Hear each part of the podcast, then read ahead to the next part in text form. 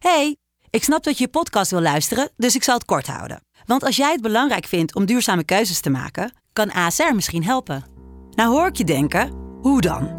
Nou, bijvoorbeeld bij het duurzaam herstellen van schade. Of de premies die we beleggen volgens ons duurzaam beleggingsbeleid. Dat bepaalt waar we wel en juist niet in investeren. Wil je meer weten over welke duurzame keuzes ASR maakt? Ga dan naar asr.nl slash duurzame keuzes. ASR doet het. Zo, dan kan je nu lekker naar je podcast luisteren. Ja, we organiseren eh, met onze club van 40 man ongeveer 80 evenementen per jaar. En we hebben afgelopen dinsdag om 7 uur de kaartverkoop gestart. En dan 39 minuten later verkopen we het complete weekend uit. Zo. Ja, dan is Dat het. Dat is, eh, Dan dat werkt, ja, ja, feedback. Dan denk je, oké, het was raak. Hij was compleet raak. Ik denk dat wij geen money-driven club zijn. En ik denk dat wij ervoor willen kiezen dat het altijd af is. En als het niet af is, ja, dan, is het misschien, dan is het rendement maar misschien wat minder. En dan moet het gewoon goed zijn.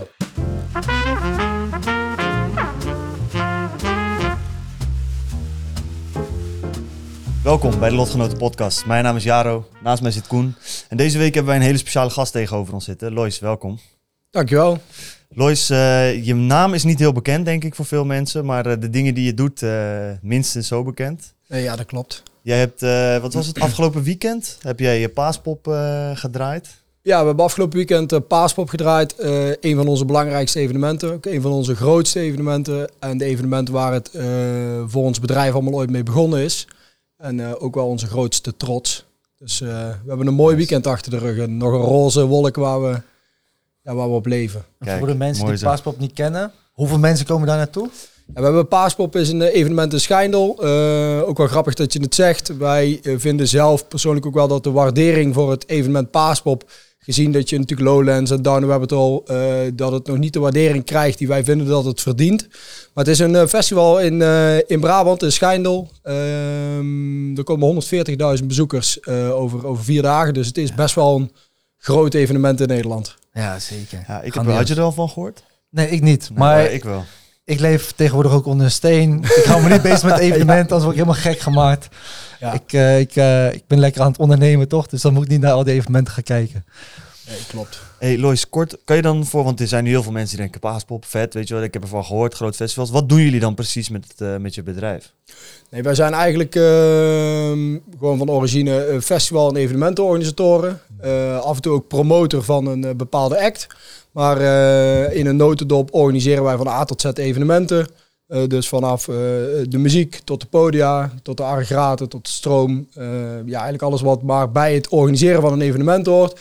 Heel veel mensen denken altijd, het organiseren van een evenement is heel sexy. Ze zijn super gaaf. die zien alleen de leuke dingen, zien ons lachend voorbij komen tijdens de show. Alleen er gaan natuurlijk maanden en bij Paaspop een jaar aan vooraf om zo'n zo'n evenement te organiseren. Ja, ja. We hebben zelf een beetje in evenementorganisatie en dat soort dingen gewerkt. Dus we weten ook dat het echt een hoofdpijn kan zijn Ja. met alle bewegende factoren die er achter de schermen aan de gang zijn. Ja, voor en achter de schermen, ja, net wat je zegt, is natuurlijk een compleet verschil. Aan de voorkant is het eh roze geur en maneschijn. En aan de achterkant leef je in een compleet andere wereld. Die heel vaak heel mooi is, maar ook wel zo het heel duister kan zijn met de dingen die er natuurlijk op een evenement kunnen gebeuren. Ja, Ja, precies. Ja, ja. En kan je nog een paar voorbeelden noemen? Want we hebben dan eh Paaspop. Wat hebben we nog meer? Ja, we organiseren eh, met onze club van 40 man ongeveer 80 evenementen per jaar. Eh, van onze paradepaardjes eh Paaspop, eh, Solar Weekend in Roermond, Extrema in België, eh Wis jou door. En onlangs eh, een evenement eh Electrum toegevoegd in de hardere stijlen. En daaronder vallen een heleboel submerken en labels van eh Paperclip Festival tot heel veel eh, evenementen die we doen met Q-Music.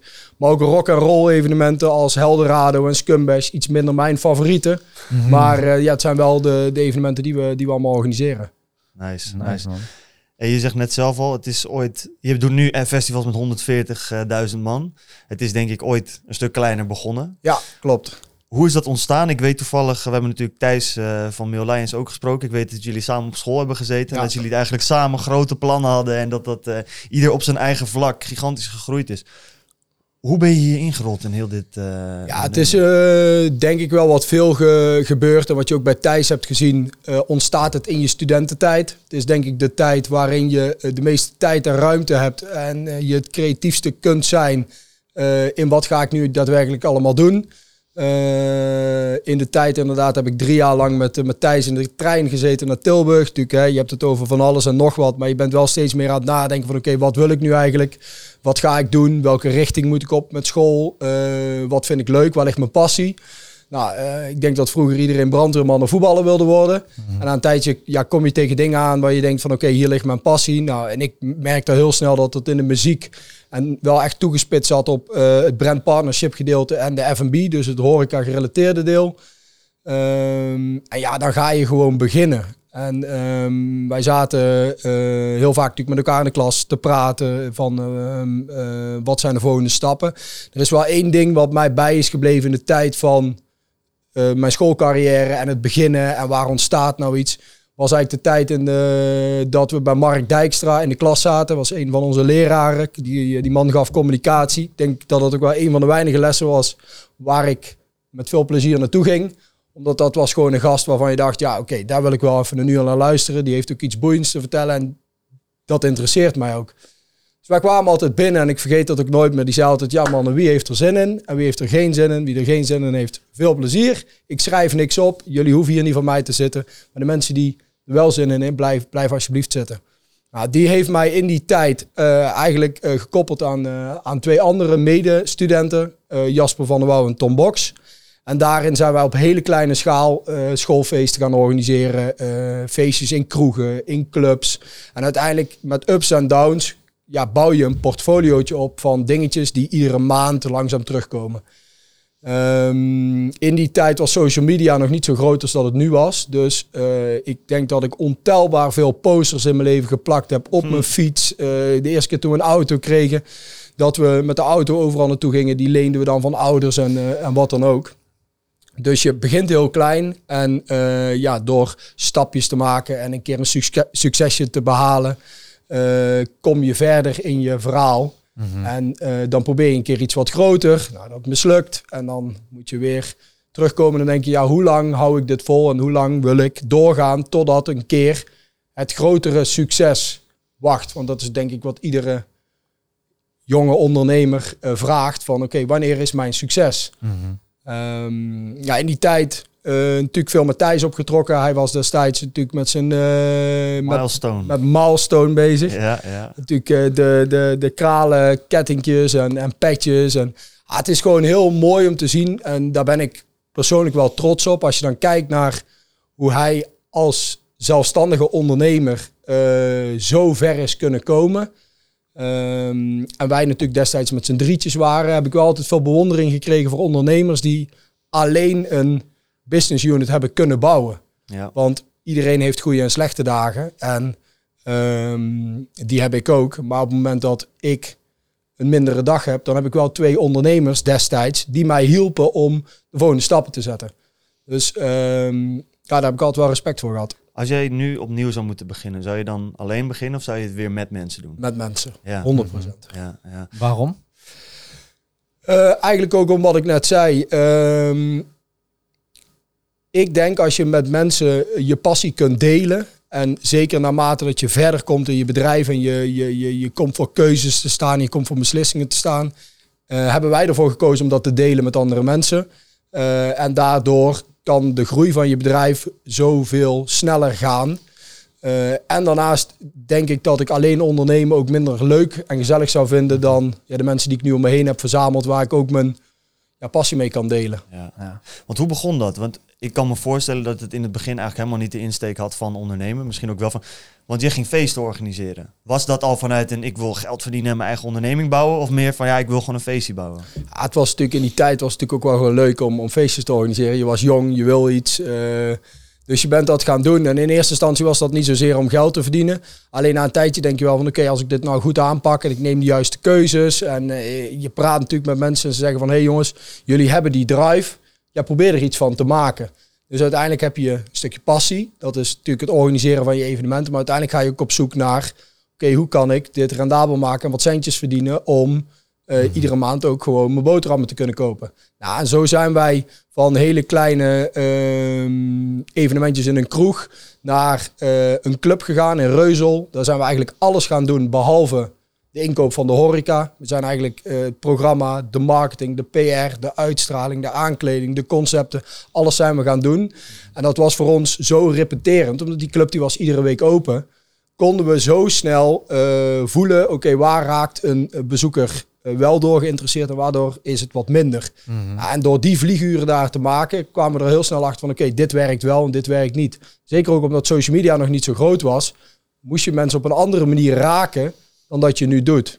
En dat is, wat ik nu wel zo zeg, op social media is bijna alles te verkopen, ongeacht of het goed is of niet goed is. Ja. Maar in die tijd moest iets goed zijn, want anders kwamen mensen niet meer terug. Ja, mond tot mond was Ja. misschien veel belangrijker dan nu. Ja. Maar is dat niet nu nog steeds een groot ding? Een voorbeeld dat ik daarbij zelf vaak aanhaal. En ik ga die partij nu wel echt even eh, door de mangel halen. maar fuck it. Ehm, je hebt in eh, Amsterdam heb je met eh, Koningsdag, waar wij vorig jaar waren. Hoe heet het?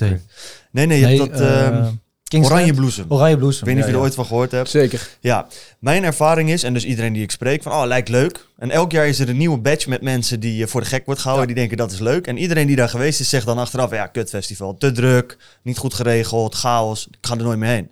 En dat vind ik wel met social media opvallend. Het lijkt een beetje bijvoorbeeld bij dat concept alsof ze eigenlijk elk jaar een nieuwe badge met mensen Ja. voor de gek weten te houden, die nooit meer terugkomen. En merken jullie dat ook? Dat je dus festivals hebt die het goed doen omdat ze kwaliteit hebben en die zich goed weten te vermarkten, maar eigenlijk geen longevity hebben. Ehm, ja, ik denk dat eh, waarin zij eh, qua range zitten, zij zitten natuurlijk, eh, hè, wij, wij noemen dat hier in Brabant boven de rivieren. Ja. Maar boven de rivieren en zeker in Amsterdam en die regionen, gewoon echt de Randstad. Ja, daar rijden gewoon ieder jaar bussen met nieuwe mensen naar binnen. Die daar zich komen settelen. Studenten, mensen uit het buitenland, eh, expats. Dus ik denk dat in Amsterdam en, en eigenlijk de Randstad het veel makkelijker is om weer een nieuwe batch mensen aan je te binden dan hier in het zuiden. Eh, als je hier kijkt, weet ik wel dat als wij echt dusdanige grote fouten maken, eh, de community het veel sneller bij iedereen heeft dan, dan daar. dus ik denk Ja. dat de fouten die daar gemaakt worden, hier sneller afgestraft worden. Is dat wel eens helemaal finaal fout gegaan? Gewoon bij oudere feesten of dingen? Eh, ja, natuurlijk. We hebben onlangs eh, afgelopen weekend konden we niet, misschien niet alles aan doen, maar dan gaat het in onze ogen wel fout. We hebben natuurlijk wel wat probeer, eh, verkeersproblemen gehad afgelopen weekend. Het heeft de afgelopen zes weken bijna alleen maar geregend. Eh, het is echt super slecht weer geweest. Nou, wij moeten natuurlijk in een hele korte tijd heel veel mensen naar een, naar een festivalterrein krijgen. Wat eigenlijk eh, altijd heel goed gaat. Alleen ja, de eerste auto komt het terrein op en die is gewoon brop, Weg. wij denken, oh no, dit meen je Gewoon in de modder, gewoon. gewoon in de modder. Ja, en dan weet je nog, oké, er komen dus nu nog 30.000 man achter deze auto aan. Het gaat Nou, dan ga je natuurlijk als organisatie er alles aan doen om dit te regelen. Alleen je weet gewoon, dit wordt een hele zware wedstrijd. Ja, ja. En dan is er bij ons één ding.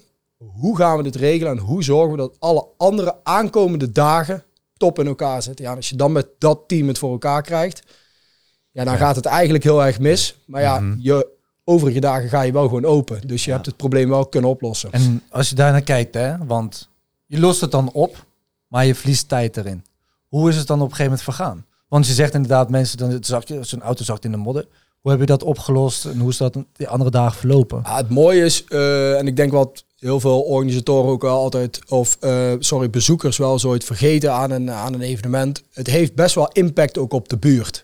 Je organiseert een evenement.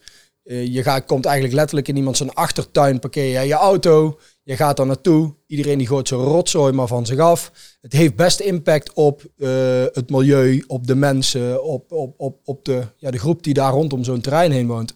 En wat ik wel afgelopen weekend heel mooi vond, is dat mensen zeiden van het ziet er zo mooi uit, de omwonenden. Wat kan ik doen om ervoor te zorgen dat het beter gaat? Ja. Ik heb hier een trekker in de schuur staan. Ik stap er nu op en ik kom jullie helpen. En ja, dat geeft dan wel echt alles aan van oké, Vet. je doet het met elkaar en dan, ja, dan ja, krijg je gewoon kippenvel van. Juist. Ja. Dan denk je, ja, dat is waar, eh, waar je het voor doet. Ja, we zullen ook wat beelden, eh, had ik besproken. Ja. Ga ik het even hier inknallen. Dus, want ik zag inderdaad een video die eh, doorgestuurd werd in de groepsapp. Ja. Van eh, bij Paaspel. Het is echt gewoon... Want jullie bouwen ook echt... Ja, hoe noem je het? Stages, maar zeg maar helemaal overal rondom zie je gewoon... eh, ja, het is Nee, een soort van eigenlijk, ehm, ja, eigenlijk is dan de, de festivaldirecteur en eh, eigenaar van het festival, Peter Sanders. Ja. Die eh, zijn we een aantal jaar geleden tegengekomen. En die eh, doet het met de projectleider Jasper van der Wouw. En die hebben één visie met z'n tweeën. En het is af en toe heel moeilijk om met hun te ondernemen. Maar sky is the limit. En zij zeggen gewoon, als wij op Paaspop rondlopen, dan moet voor ons het gevoel zijn dat wij in Las Vegas rondlopen. En als we Ja. dat hebben, en als we mensen omhoog zien kijken en denken, wat gebeurt hier? En dan zeggen ze, dan hebben wij het ultieme Paaspop staan waar het hoort te zijn. Ja. En hoe doe je dat dan met budget? Want inderdaad, je gaat sky high, maar ook in budget hij is sky. Nee, ik denk dat, ehm, eh, dat ieder evenement daarin natuurlijk verschillend is. Paaspop is natuurlijk een evenement met veel bezoekers. Dus ook een, een, een andere portemonnee dan, eh, dan bijvoorbeeld wat kleinere evenementen. Dus het, ja, het wordt gewoon gekeken, ja, wat is natuurlijk haalbaar. Maar eh, ja, ik, we noemen het binnen onze club natuurlijk niet voor niets het paradepaardje. Paaspop is wel het paradepaardje van ons waar we eigenlijk alles willen laten zien wat we in onze mars hebben. En natuurlijk worden voor heel veel ondernemers eh, en voor ons op heel veel evenementen ook, eh, wordt dat natuurlijk tegengewerkt door budget. Want je hebt natuurlijk altijd veel meer in je mars dan dat het budget het toelaat. ja. Alleen bij Paaspop is het wel van daar willen we laten zien wie we zijn en eh, wat we kunnen. Nice. Als jij op een festival loopt zelf, hè, heb je dan niet ook vaak soort van irritaties of dingen? Ik kan me voorstellen, want jij hebt heel veel zicht op, oké, dit, dit gaat hier fout, dit kan hier beter. Sta lang te wachten op een drankje, want hier is te weinig bemanning. Of laat je dat dan los? Ja, ik probeer het wel steeds meer los te laten, omdat eh, het leven is natuurlijk in de evenementen best moeilijk. Omdat je eh, ja, werk staat stipt op nummer één. Ik denk dat je dat ook moet geven als ondernemer, omdat het anders niet lukt of komt als waar je het wil hebben. Alleen je hebt natuurlijk wel een hele selecte vriendengroep hou je over van vrienden die je supporten, weinig zien. Weekenden ben je vaak weg. Dus als je dan daar bent, dan probeer je er eigenlijk alles aan te doen om gewoon te genieten. Ja. En je weet van de achterkant, waar je eh, mensen niet kwalijk kunt nemen, een reactie die ze geven op iets wat er gebeurt. Mhm. Weet je aan de achterkant, er kunnen zoveel dingen gebeurd zijn waarom dat dit nu gebeurt. Ja. Dat je het ook meer los kunt laten. Je Ja. denkt van, iedereen doet er alles aan om een prachtig evenement te organiseren. En dan, laat het dan een beetje omdraaien. hè. Je gaat een evenement organiseren. Eh, wat jij bijvoorbeeld zegt, er zijn bepaalde ergernissen van mensen dat ze bijvoorbeeld een half uur moeten wachten op een drankje. Spreek u dat van tevoren af? Van luister, die wc's die moeten om de hoek zijn, mag maximaal 10 minuten duren. Drankje, maximaal half uur. Ja. Hoe gaat het zeg maar op, aan de achterkant? Ehm, nou, misschien is het goed om eh, een heel klein stukje te vertellen over hoe onze organisatie in elkaar zit. Want dan Ja. kan ik die vraag ook goed Ja, beantwoorden. dat is goed. Ehm, toen we eigenlijk ooit met z'n drieën begonnen waren. eh, natuurlijk heel klein, eh, heel jong, heel pril. Eh, je, je probeert alles aan elkaar te knopen om, om natuurlijk wat successen te behalen. En toen zijn wij in die tijd, is eh, mijn compagnon Jasper, die, eh, die ging stage lopen bij Paaspop. En ehm, eh, in die periode was eigenlijk de organisatie die groeide. Paaspop was het nog niet waar ze nu waren, maar die zat al wel echt in die lift. En toen zeiden ze, ja, we zoeken eigenlijk nog een producent voor de camping. Nou, toen zei Jasper, nou, mijn compagnon van ons evenement doet al onze producties. Kunnen we die aanhaken? Nou, hup, erin. Joop Soré, de compagnon van Peter Sanders, die zocht eh, een horeca-jongen. Eigenlijk een rechterhand voor hem voor alle horeca en FB. Nou, zo ben ik eigenlijk binnengerold. En zo zijn we eigenlijk met z'n vijven die organisatie gaan draaien. En precies op die vlakken hebben wij heel vaak gesproken. Oké, wat zijn nou onze USP's? En wat, wat vinden wij belangrijk bij onze evenementen? Nou, één daarvan is hospitality op hoog niveau. Zorgen dat mensen tijdig en goed kunnen drinken. Maar een hospitality op hoog niveau is voor een bezoeker de voorkant. Alleen is voor ons ook de achterkant. Want alle crew die daar rondloopt, die is voor ons... Ja, dat is de ader door het festival heen. Als die niet content zijn... Ja, ik, ik denk altijd als je de crew goed behandelt, dan heb je een prachtig evenement. Want dan gaan die jongens door weer en wind. Ehm, dus voor ons is dat een belangrijke. En vooral ook, wij zetten altijd ruim voldoende toiletten in. En natuurlijk, iedereen maakt menselijke rekenfouten. Dus ook, ik zeg niet dat bij ons alles tip-top in orde is. Alleen wij zijn wel een club die zegt van oké, ehm, zorg dat de facettes altijd net wat ruimer staan dan net wat compacter. Alleen ja, dan kies je er wel voor dat het rendement iets minder is. Ja, Ja, precies. Kun je ons eens meenemen in dat hele project, dat traject, hè? dus dat je, je begint bij een kroeg, daar ga je eh, eh, ja, een feestje organiseren. En hoe zich dat over de jaren is gaan ontwikkelen. Van oké, je begint bij zoiets kleins en welke stappen neem je dan? En ook welke uitdagingen komen Ja, er dan per stap? Want je noemde net ook dat jullie van klein naar groot gingen en Ja. toen mislukt het ook ergens. Ja, natuurlijk. Hè. Je, je wordt ambitieus en je hebt een paar succesjes. En dan praat ik over succesjes in een kroeg met 200 man die je uitverkoopt een keer een week van tevoren in plaats van eh, een paar dagen van tevoren. Dus ja, iedereen is dan enthousiast en je denkt, ja, we hebben het te pakken. We hebben dat, die feeling. Nou, dan ga je een keer iets groter en dan mislukt dat. En dan moet je elkaar weer bij elkaar rapen van oké, eh, ja, hebben we het wel in ons. Je kijkt naar andere ondernemers, die lukt het dan wel. En dan zoek je wel zoiets van, ja, bewandelen we het juiste pad. Maar eigenlijk vanuit daar hebben we een paar eh, ja, gelukjes. Dus vind ik altijd moeilijk te zeggen. Ik denk dat je geluk ook wel een beetje afdwingt. Juist. Maar we hebben eh, destijds zijn we benaderd door Pieter Lepelaars. Was eh, destijds eh, voorzitter van Stichting Paperclip. Een evenement hier in, hier in Eersel, vlakbij. En die zei van ja, mijn passie is verlegd. En ik vind het eigenlijk zonde als het tot zijn einde komt. Zouden jullie het voort willen zetten? Nou, wij zijn natuurlijk als drie eh, jonge honden eh, volop gedoken. En ik kan me nog herinneren dat Jasper en Tom, die draaiden ook allebei. eh, dat we daar rondliepen een jaar daarvoor en zeiden... als we dit over vijf jaar kunnen, kunnen neerzetten...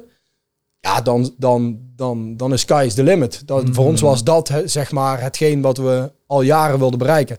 Nou, dat werd eigenlijk op die manier een beetje afgedwongen. We hebben dat een paar jaar gedaan. En je merkt dan gewoon dat je van een kroeg naar echt een festival gaat. Er zoveel meer facetten bij komen kijken door het organiseren, maar ook vooral financieel. Want je hebt in één keer een heel ander budget eh, beschikbaar, omdat mensen voor een ander bedrag een kaartje kopen. Maar het risico is natuurlijk ook in één keer een heel stuk groter. En dan zie je wel dat je snel stappen maakt en stappen kunt maken. En in die tijd hebben we steeds meer dingetjes opgezet, ging het steeds beter. En toen eh, zijn we eigenlijk in de tijd aanbeland dat Jasper stage ging lopen bij, eh, bij Paaspop. Eh, wij met z'n drieën eh, daar terecht kwamen. En ehm, ja, daar is voor mij wel echt eh, hetgeen geweest dat ik heb gezegd: Oké, jongens, als je kunt delen, als je bereid bent om je story van zeven jaar waar je keihard aan gewerkt hebt, kunt delen met iemand anders en de hoop hebt dat het daardoor groter kunt worden, dan moet je dat doen. En wij hebben in die tijd gezegd van oké, weet je wat, we gaan, eh, we gaan hier op kantoor zitten. Wij doen drie dagen in de week voor jullie werken. We doen drie dagen in de week voor ons eh, eigen evenementenbroodje werken. En we zijn aan de slag gegaan. Alleen, ja, je ziet natuurlijk bij een grote partij als Paaspop, ja, ik liep daar met zo'n oog rond en ik hield mijn oren goed open. Ik denk, hey, hier kan ik nog eens wat informatie eh, ophalen. Eh, alleen je zag in die, die, die loop der tijd was wel heel gek. Wij namen een marketeer aan, zij hadden een marketeer. Wij namen een producent aan, zij hadden een producent. Dus na een tijdje waren we eigenlijk werkzaam voor een bedrijf wat we eigenlijk indirect onze concurrent begon te worden. Want wij werkten een x aantal uren voor hun en wij werkten een x aantal uren voor onszelf. Maar we organiseerden evenementen wel eens ooit op dezelfde dag. En waar ging ik dan precies naartoe? Ging ik dan werken voor het evenement waar ik drie dagen in de week voor een dienst was? Of ging ik dan voor mijn eigen bedrijf werken? Ja. En waar Zo viel was de keus meestal? Eh, ik vind als je je commitment geeft aan iemand waarvoor je werkt, dat je daarvoor moet zijn. Dus Ja. uiteindelijk laat je je eigen evenement dan even iets achterwege, omdat je iets met iemand hebt afgesproken. Mhm. Alleen die periode was zo vreemd en wij groeiden als school, zij groeiden door, dat we eigenlijk hebben gezegd, dat is eigenlijk nog wel redelijk recent geweest, in coronatijd, dat we hebben gezegd, oké jongens, moeten we niet een keer goed kijken naar de business case? We hebben nu tijd, we hebben ruimte. Ehm, is het niet verstandig om eh, te gaan reorganiseren? Dat hebben we in die tijd gedaan. Coronatijd was natuurlijk gewoon heavy shit. Was natuurlijk gewoon kloten. Ik denk, ja, heb ik hier nou al die jaren zo hard voor moeten werken? En gaat het dan nu kapot? Want dat denk je in, het begin, in eerste instantie. Nou, uiteindelijk eh, leven we gelukkig in een goed land als Nederland, waarin eh, de overheid eh, iedereen probeert te helpen. En zijn we overeind gebleven. En in die tijd hebben we er alles aan gedaan om te kijken van oké, hoe moet nu de nieuwe fundering zijn voor de toekomst? Zij hadden natuurlijk Paaspop Events. Wij hadden One of the Guys destijds. En we zijn, ja, we zijn, we zijn gewoon gaan zoeken. We hadden een hele mooie man, Jean-Paul, die heeft heel die sessies begeleid. En die zei, ja jongens, ik denk dat het heel makkelijk is. En het ligt heel erg voor de hand liggend. Alleen, ja, jullie moeten er zelf overheen stappen. Is, waarom gaan jullie niet samen? Waarom ga je niet samen één bedrijf bouwen en ga je de toekomst in met elkaar? Wij natuurlijk een relatief jonge, kleine club. Maar aan de andere kant, eh, Peter en Joop natuurlijk al, al 10, 15 jaar. En Peter zelfs al 30 jaar Nee, bezig met zijn company. Ja, en dan met alle respect voor ons. Maar er komen drie snotneuzen binnen. Waar iemand zegt, hey, zullen jullie niet eens gaan samenwerken? Ja, ja. Ja, en toen gebeurde er wel iets voor ons, iets heel moois. En toen hebben zij gewoon gezegd, weet je, we gaan gewoon go with the flow. We gaan ervoor. We gaan een nieuwe company opstarten. Die is onlangs ook opgestart. This is live. We gaan ons positioneren als één club. Natuurlijk, hè, Peter en Joop zijn in, eh, in het ondernemen verder dan ons. Dus hebben meerdere bedrijven aan zich gebonden dan ons. Maar voor de buitenkant zijn we één club. En eh, zijn we gewoon al het personeel onder één noemer eh, gaan wegschrijven. Nou, dat is This is Live geworden. En in dat jaar, ja, toen is het is helemaal ontploft. Ja. Want ja, mensen die associëren ons, de jonge garde, als onderdeel van Paaspop. Dus waarin ik drie jaar geleden heel angstig was om mijn levensverhaal te delen met toen nog relatief twee onbekende mannen waar ik een heel goed gevoel bij had. Ja. En zij drie jaar later zeiden mannen, laten we eens gewoon als één club naar buiten treden en met jullie ontarmen samen de toekomst ingaan. Ja. Dat bedoel ik te zeggen, als je durft te delen en je werkt keihard en je kiest af en toe ervoor om voor iemand anders een stapje extra te zetten in plaats van voor je eigen company, ja, dan creëer je een band eh, ja, die, die, ja, die nu is waar die is. En Je hebt het over verhaal delen. Als ik naar een festival ga, dan heb ik geen flauw idee zeg maar, wie, wie de eigenaren zijn of wie het heeft georganiseerd. Ik ga gewoon. Ja. Toch hebt heb soms je, ook geen idee wie je zelf meer bent. En loop ook met zo'n doppel rond, dus ik heel goed te kijken. Maar ehm, hoe heb jij dat dan gedaan en naar buiten gebracht? Dat andere mensen zien wat jouw verhaal is en dat jullie samen in club zijn. Ja, ik moet ook heel eerlijk zeggen dat dit wat we nu doen, daar heeft Thijs me een beetje in meegesleept. Ja, Dit Ja. doen wij normaal ja. gesproken niet. Ik denk dat ehm, heel veel mensen uit Eindhoven, waar ik gewoon zelf woon, ben ik gewoon Lois. En weten dat ik feestjes organiseer, maar weten niet welke feestjes ik organiseer. En dat is ook wel iets wat, we, wat ik graag ook wel een beetje zo wil houden. Waarom? Ja, wij zijn niet de club die eh, met de borst vooruit lopen en zeggen wij zijn een van de eigenaren. Nee, bij ons is het, we zijn met 40 man. Dat is onze kern, dat is onze basis, dat is de ader door ons bedrijf heen. En misschien zijn die mensen nog wel belangrijker dan wij als individu. Want wij komen steeds verder van de operatie af te staan en zij draaien onze evenementen. Ja. Dus de vraag op, ehm, laten we ooit zien wie we daadwerkelijk zijn? Nee, dat doen we eigenlijk niet zo vaak. Nee. Is het dan ook dat je misschien, ik wil niet voor je invullen hoor, maar meer voldoening haalt ook uit het resultaat voor zichzelf laten spreken? Ja, Dat je, weet ik veel, op Instagram kijkt en ziet hoeveel foto's er getagd zijn bij Paaspop en eh, dat je gewoon positieve reacties Ja. ziet. Nee, je Ja. ziet natuurlijk nu afgelopen weekend Paaspop gedraaid. eh, maar ook bij andere evenementen. En dan zie je... eh, kijk, je leeft als ondernemer of als festivalorganisator of als onderdeel van het team. Eh, leef je al heel snel op een roze wolk. Want het was allemaal fantastisch en hoe was het mooi. En wat hebben mensen toch zien glimlachen. Alleen de harde realiteit komt wel op het moment dat je de kaartverkoop start voor het jaar erop. Ja, En we hebben afgelopen dinsdag om 7 uur de kaartverkoop gestart. En dan 39 minuten later verkopen we het complete weekend uit. zo. Ja, dan is Dat het. is insane. Dat is eh Dan laat- werk, ja. Dan denk je, oké, het was raak. We hebben, hij was compleet raak. Ja. En dat is wel heel gaaf. Ja. Hoe probeer je dan later wel nog te ontdekken wat dan maakt dat men het zo tof vond? Want ik kan me ook voorstellen dat je zelfs ondanks, hè, je verkoopt uit, het gaat goed, dat je wel nog steeds wil kijken, oké, wat kunnen we afschaven om bijvoorbeeld dat budget weer te stoppen in nog meer van het goede wat we doen? Ja, ik denk dat daar bijvoorbeeld Wish Outdoor een heel, eh, heel mooi voorbeeld is. Die was een festival wat ik- als een van de eerste festivals toen ik als 18 werd bezocht. Was echt een gigantisch festival. Maar heeft de afgelopen jaren eh, slecht weer gekend. Een keer het WK van, eh van Nederlands elftal. eh, 40 graden gekend. Dus die hebben gewoon heel veel pech jaren achtereen gehad. Waardoor het festival wat terugnam.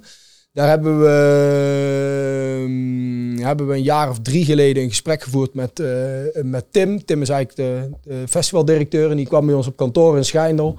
Ik vergeet eigenlijk nooit meer wat hij, zegt, wat hij zei. Hij zegt, jongens, ik wil het eigenlijk niet meer alleen doen. En er is maar één partner waarmee ik dat wil doen en dat zijn jullie. En onze vraag was, ja, waarom dan? Ja, omdat jullie altijd vol gas erin gaan. Het is nooit een 9, het moet altijd een 10 zijn. Nou, en daar hebben we wel met heel het team, hebben we ook tegen Tim gezegd. En ik denk dat dat ook heel moeilijk is voor iemand die al 15 jaar aan zijn label werkt. Van oké, mag het dan wel een klein beetje over een andere boeg? Dan gaan we wel ook een beetje ons sausje inbrengen. En dan gaan we wel weer durven te ondernemen met kracht en geld erachter en duwen en trekken. Nou, en daar hebben we, dat hebben we gedaan. En nu zie je dat het festival weer in de lift komt. Dus ik, ik vind het altijd moeilijk te beantwoorden waarom een festival nou daadwerkelijk succesvol is. Ik denk dat de juiste ingrediënten en de juiste mensen erachter en ook de juiste marketeer die de doelgroep begrijpt, zit. Ja, dan kun je gezamenlijk dat, dat verhaal bouwen. Ja. Wat is jullie sausje dan? Ja, ja, Want je ja. noemt het sausje. Ik ben heel benieuwd waar dat hem in zit. Ja, ik denk dat het een. eh, ehm, ik denk dat wij genoegen nemen met een minder resultaat.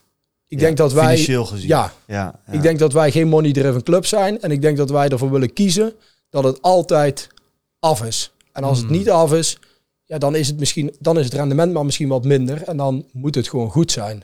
Ik denk dat dat wel ja, anders is. Dat heeft misschien natuurlijk ook wel het voordeel dat we heel veel organiseren. Er zijn natuurlijk ook organisatoren die doen twee of drie evenementen per Ja. jaar. En daar moet natuurlijk ook gewoon de gelden verdiend worden. Ja. Eh, maar ik denk, ja, waar zijn we de afgelopen jaren door gegroeid en waar zit onze kracht? Ja, ik denk dat die daar wel zit. Netjes. Ja, en als je dan kijkt bijvoorbeeld naar Paaspop, hebben je afgelopen weekend gehad. Dinsdag zijn jullie uitverkocht eh, in, zei je, 37 of 39 minuten? 37, 37 minuten. ja. minuten. Ja, ziek is dat zeg. Kijk, dan doe je iets goed. Doe je iets heel goed. Ja. Hoe kan het zijn dat als mensen net een festival hebben gehad, dat je het gelijk weer uitverkoopt? Waar, waar ligt dat aan, denk je? Ja, ik denk dat dit wel een gevalletje is eh, FOMO. Ja. Ik Ja. heb gewoon artiesten voorbij zien komen, bijvoorbeeld Diego van Moxie. Die, ze, die eh, zette een eh, post op, eh, op Instagram en dan zegt hij eh, een poll van... hey, waar ben jij dit weekend geweest? Digital, Paaspop of bij familie? En dan denk ik, jij stond volgens mij niet eens op de line-up. Hoezo praat jij over dit evenement? Ja, Ja, en dan ja, weet je van oké, er zijn heel veel mensen geweest met FOMO. Ja. En ehm, ja, waarom verkoopt Tomorrowland altijd uit? Omdat er een schaarste is op tickets. En ik heb mezelf ook afgevraagd eh, dinsdag van oké, hoezo lukt het wel bij Paaspop, ongeacht dat het ons vlaggenschip is. En natuurlijk sky is the limit daar. En als je daar rondloopt, dan denk je, dit kan eigenlijk niet. Dit is onwerkelijk op een ja, paardenpak in Schijndel. Ehm, maar dat heeft er gewoon wel mee te maken. Ja, denk gewoon kwaliteit in de loop der jaren. En durven te investeren in, ja, hetgeen wat ik net zei, neem genoegen met iets minder en zorg dat het altijd af is. Ja, ja. Want dat zie je volgens mij ook veel bijvoorbeeld in Glastonbury. Dat Ja. eh, in, in Engeland, ik heb dat ooit in een boek gelezen, dat het ook in vijf minuten echt, volgens mij een ton kaart, eh, ook echt Ja. in no time uitverkocht. Ga je dan ook op een gegeven moment jezelf op die manier ontwikkelen door literatuur te lezen, mentoren, coach? Want ik kan me voorstellen, kijk, het uitverkopen van een kroeg is leuk. Daar zul je op een gegeven moment trucjes voor ontdekken. Van, nou, weet ik veel, als hij zijn vrienden mee kan nemen voor wat Ja. goedkoper of weet ik het wat.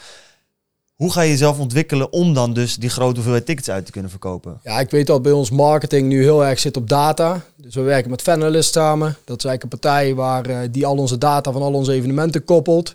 En we zijn daar gewoon aan het kijken van oké, kunnen we profielgroepen creëren waarin we zien dat die niet alleen geïnteresseerd is in Paaspop, maar bijvoorbeeld ook geïnteresseerd is in Smerg. Smerg is bij ons een heel jeugdig hip evenement. Eh, maar eh, je hebt natuurlijk ook eh, Smerg in combinatie met Bondgenoten. Bondgenoten is een evenement hier in Eindhoven. Dus je bent na een tijdje natuurlijk profielen aan het creëren. En op het moment dat je een profiel hebt, dan kun je dat profiel natuurlijk ook uitzetten op social media. Dus je bent eigenlijk op zoek naar ja, waar zit je doelgroep en ja, waarom koopt nu iemand een kaartje? Ik denk dat dat altijd de vraag is die, eh, die we blijven stellen. Waarom is dat vaak? Heb je daar een idee van? Want ik weet het bij mezelf nauwelijks. Ja, meestal is het omdat een vriend van mij zegt, we gaan hierheen. En dat ik zeg, oké, ja, blijkbaar ga ik daarheen. Ik, ik- maar ik ben geen aficionado. Ik, ik heb er niet heel veel mee. Nee, ik denk dat het voor heel veel, eh, voor heel veel mensen gewoon een ontsna- ontsnapping aan de werkelijkheid is. Ik denk dat dat wel gewoon echt een van de dingen is. Amusement. Mensen werken van maandag tot en met vrijdag en die vinden het leuk om op zaterdag met zijn vrienden amicaal lekker los te gaan. Eh, anderzijds denk ik dat eh, een festival hetzelfde is als een kledingmerk eh, like Mill Lions. Eh, het is een community waar jij bij wil horen. En Ja. ik vind het ook eh, best wel mooi altijd om te zien. Is we hebben een portfolio van heel veel, van heel veel merken. Eh, en ieder merk heeft een andere voordeur. Een andere voordeur waar andere mensen doorheen lopen. En dat is wel gewoon, dat is gewoon mega gaaf om te zien. Ja. Neem je dat dan ook mee? Bijvoorbeeld die branding van oké, eh, dit jaar, afgelopen zaterdag was Paaspop. Een bepaalde, bepaalde sfeer, bepaalde, eh, bepaald gevoel heb je dat? Heb je, zeg maar, als je daar binnenkomt, zorg je dat, dat je dat ook gaat nabootsen het jaar daarop, zodat mensen dat gaan herkennen? Ja. Je bent een beetje aan het zoeken natuurlijk van waar, eh, waar hebben we raakvlakken. Die raakvlakken die probeer je verder uit te bouwen. En we hebben bijvoorbeeld nu Paaspop het tweede jaar merchandise gedaan. Gewoon voor het festival zelf. Op een andere manier. Natuurlijk heb je al jaren en dag doe je merchandise. Maar op een andere manier hebben we die merchandising gezet. Meer als een eh, adventure. Je loopt binnen, staat een DJ te draaien. En er is een klein barretje waar je een tapje kunt halen. Maar tegelijkertijd kun je merchandise kopen. Ja. Dan ben je toch aan het zoeken van oké, hoe loopt dat? Is dat dan beter? Loopt mijn volume in merchandise ten behoeve van de jaren ervoor? Gaat die omhoog? Ja, die is dus omhoog gegaan. Oké, dan werkt het dus. En die experience die probeer je mee te nemen. Natuurlijk al je andere business units. Van oké, als het daar werkt, laten we het ook eens op Peugeot proberen. Of laten we het ook eens op Electrum proberen. Of, ja, het is wel vet hoe jullie dit doen. Want eigenlijk pakken jullie gelijk aan het begin van het jaar goed uit. Je kunnen dan ook, omdat jullie veel budget hebben, veel nieuwe dingen uitproberen. Waarvan je zegt van oké, hier kunnen we op innoveren of hier kunnen we in experimenteren. En als het dan inderdaad raak is, dan kun je dat toepassen op de rest van de evenementen. ja, dat klopt wel een beetje. Ja, tegelijk is het denk ik ook wel spannend. Want ik bedoel, ik heb eh, een webshop gehad. Ja, daar pleur ik eh, nieuwe afbeeldingen in Facebook en dan gooi ik er 20 euro tegenaan en dan zie ik, doet hij het wel Ja. of niet. Ik kan me wel voorstellen bij merchandise, laat het wel drukken. En je gaat wel die stage daar bouwen en Ja. die DJ daar neerzetten. Daar gaat gewoon snel duizenden euro's in Ja. zitten om even te testen. En als het dan flopt, ja, dat is dan best een dure fout.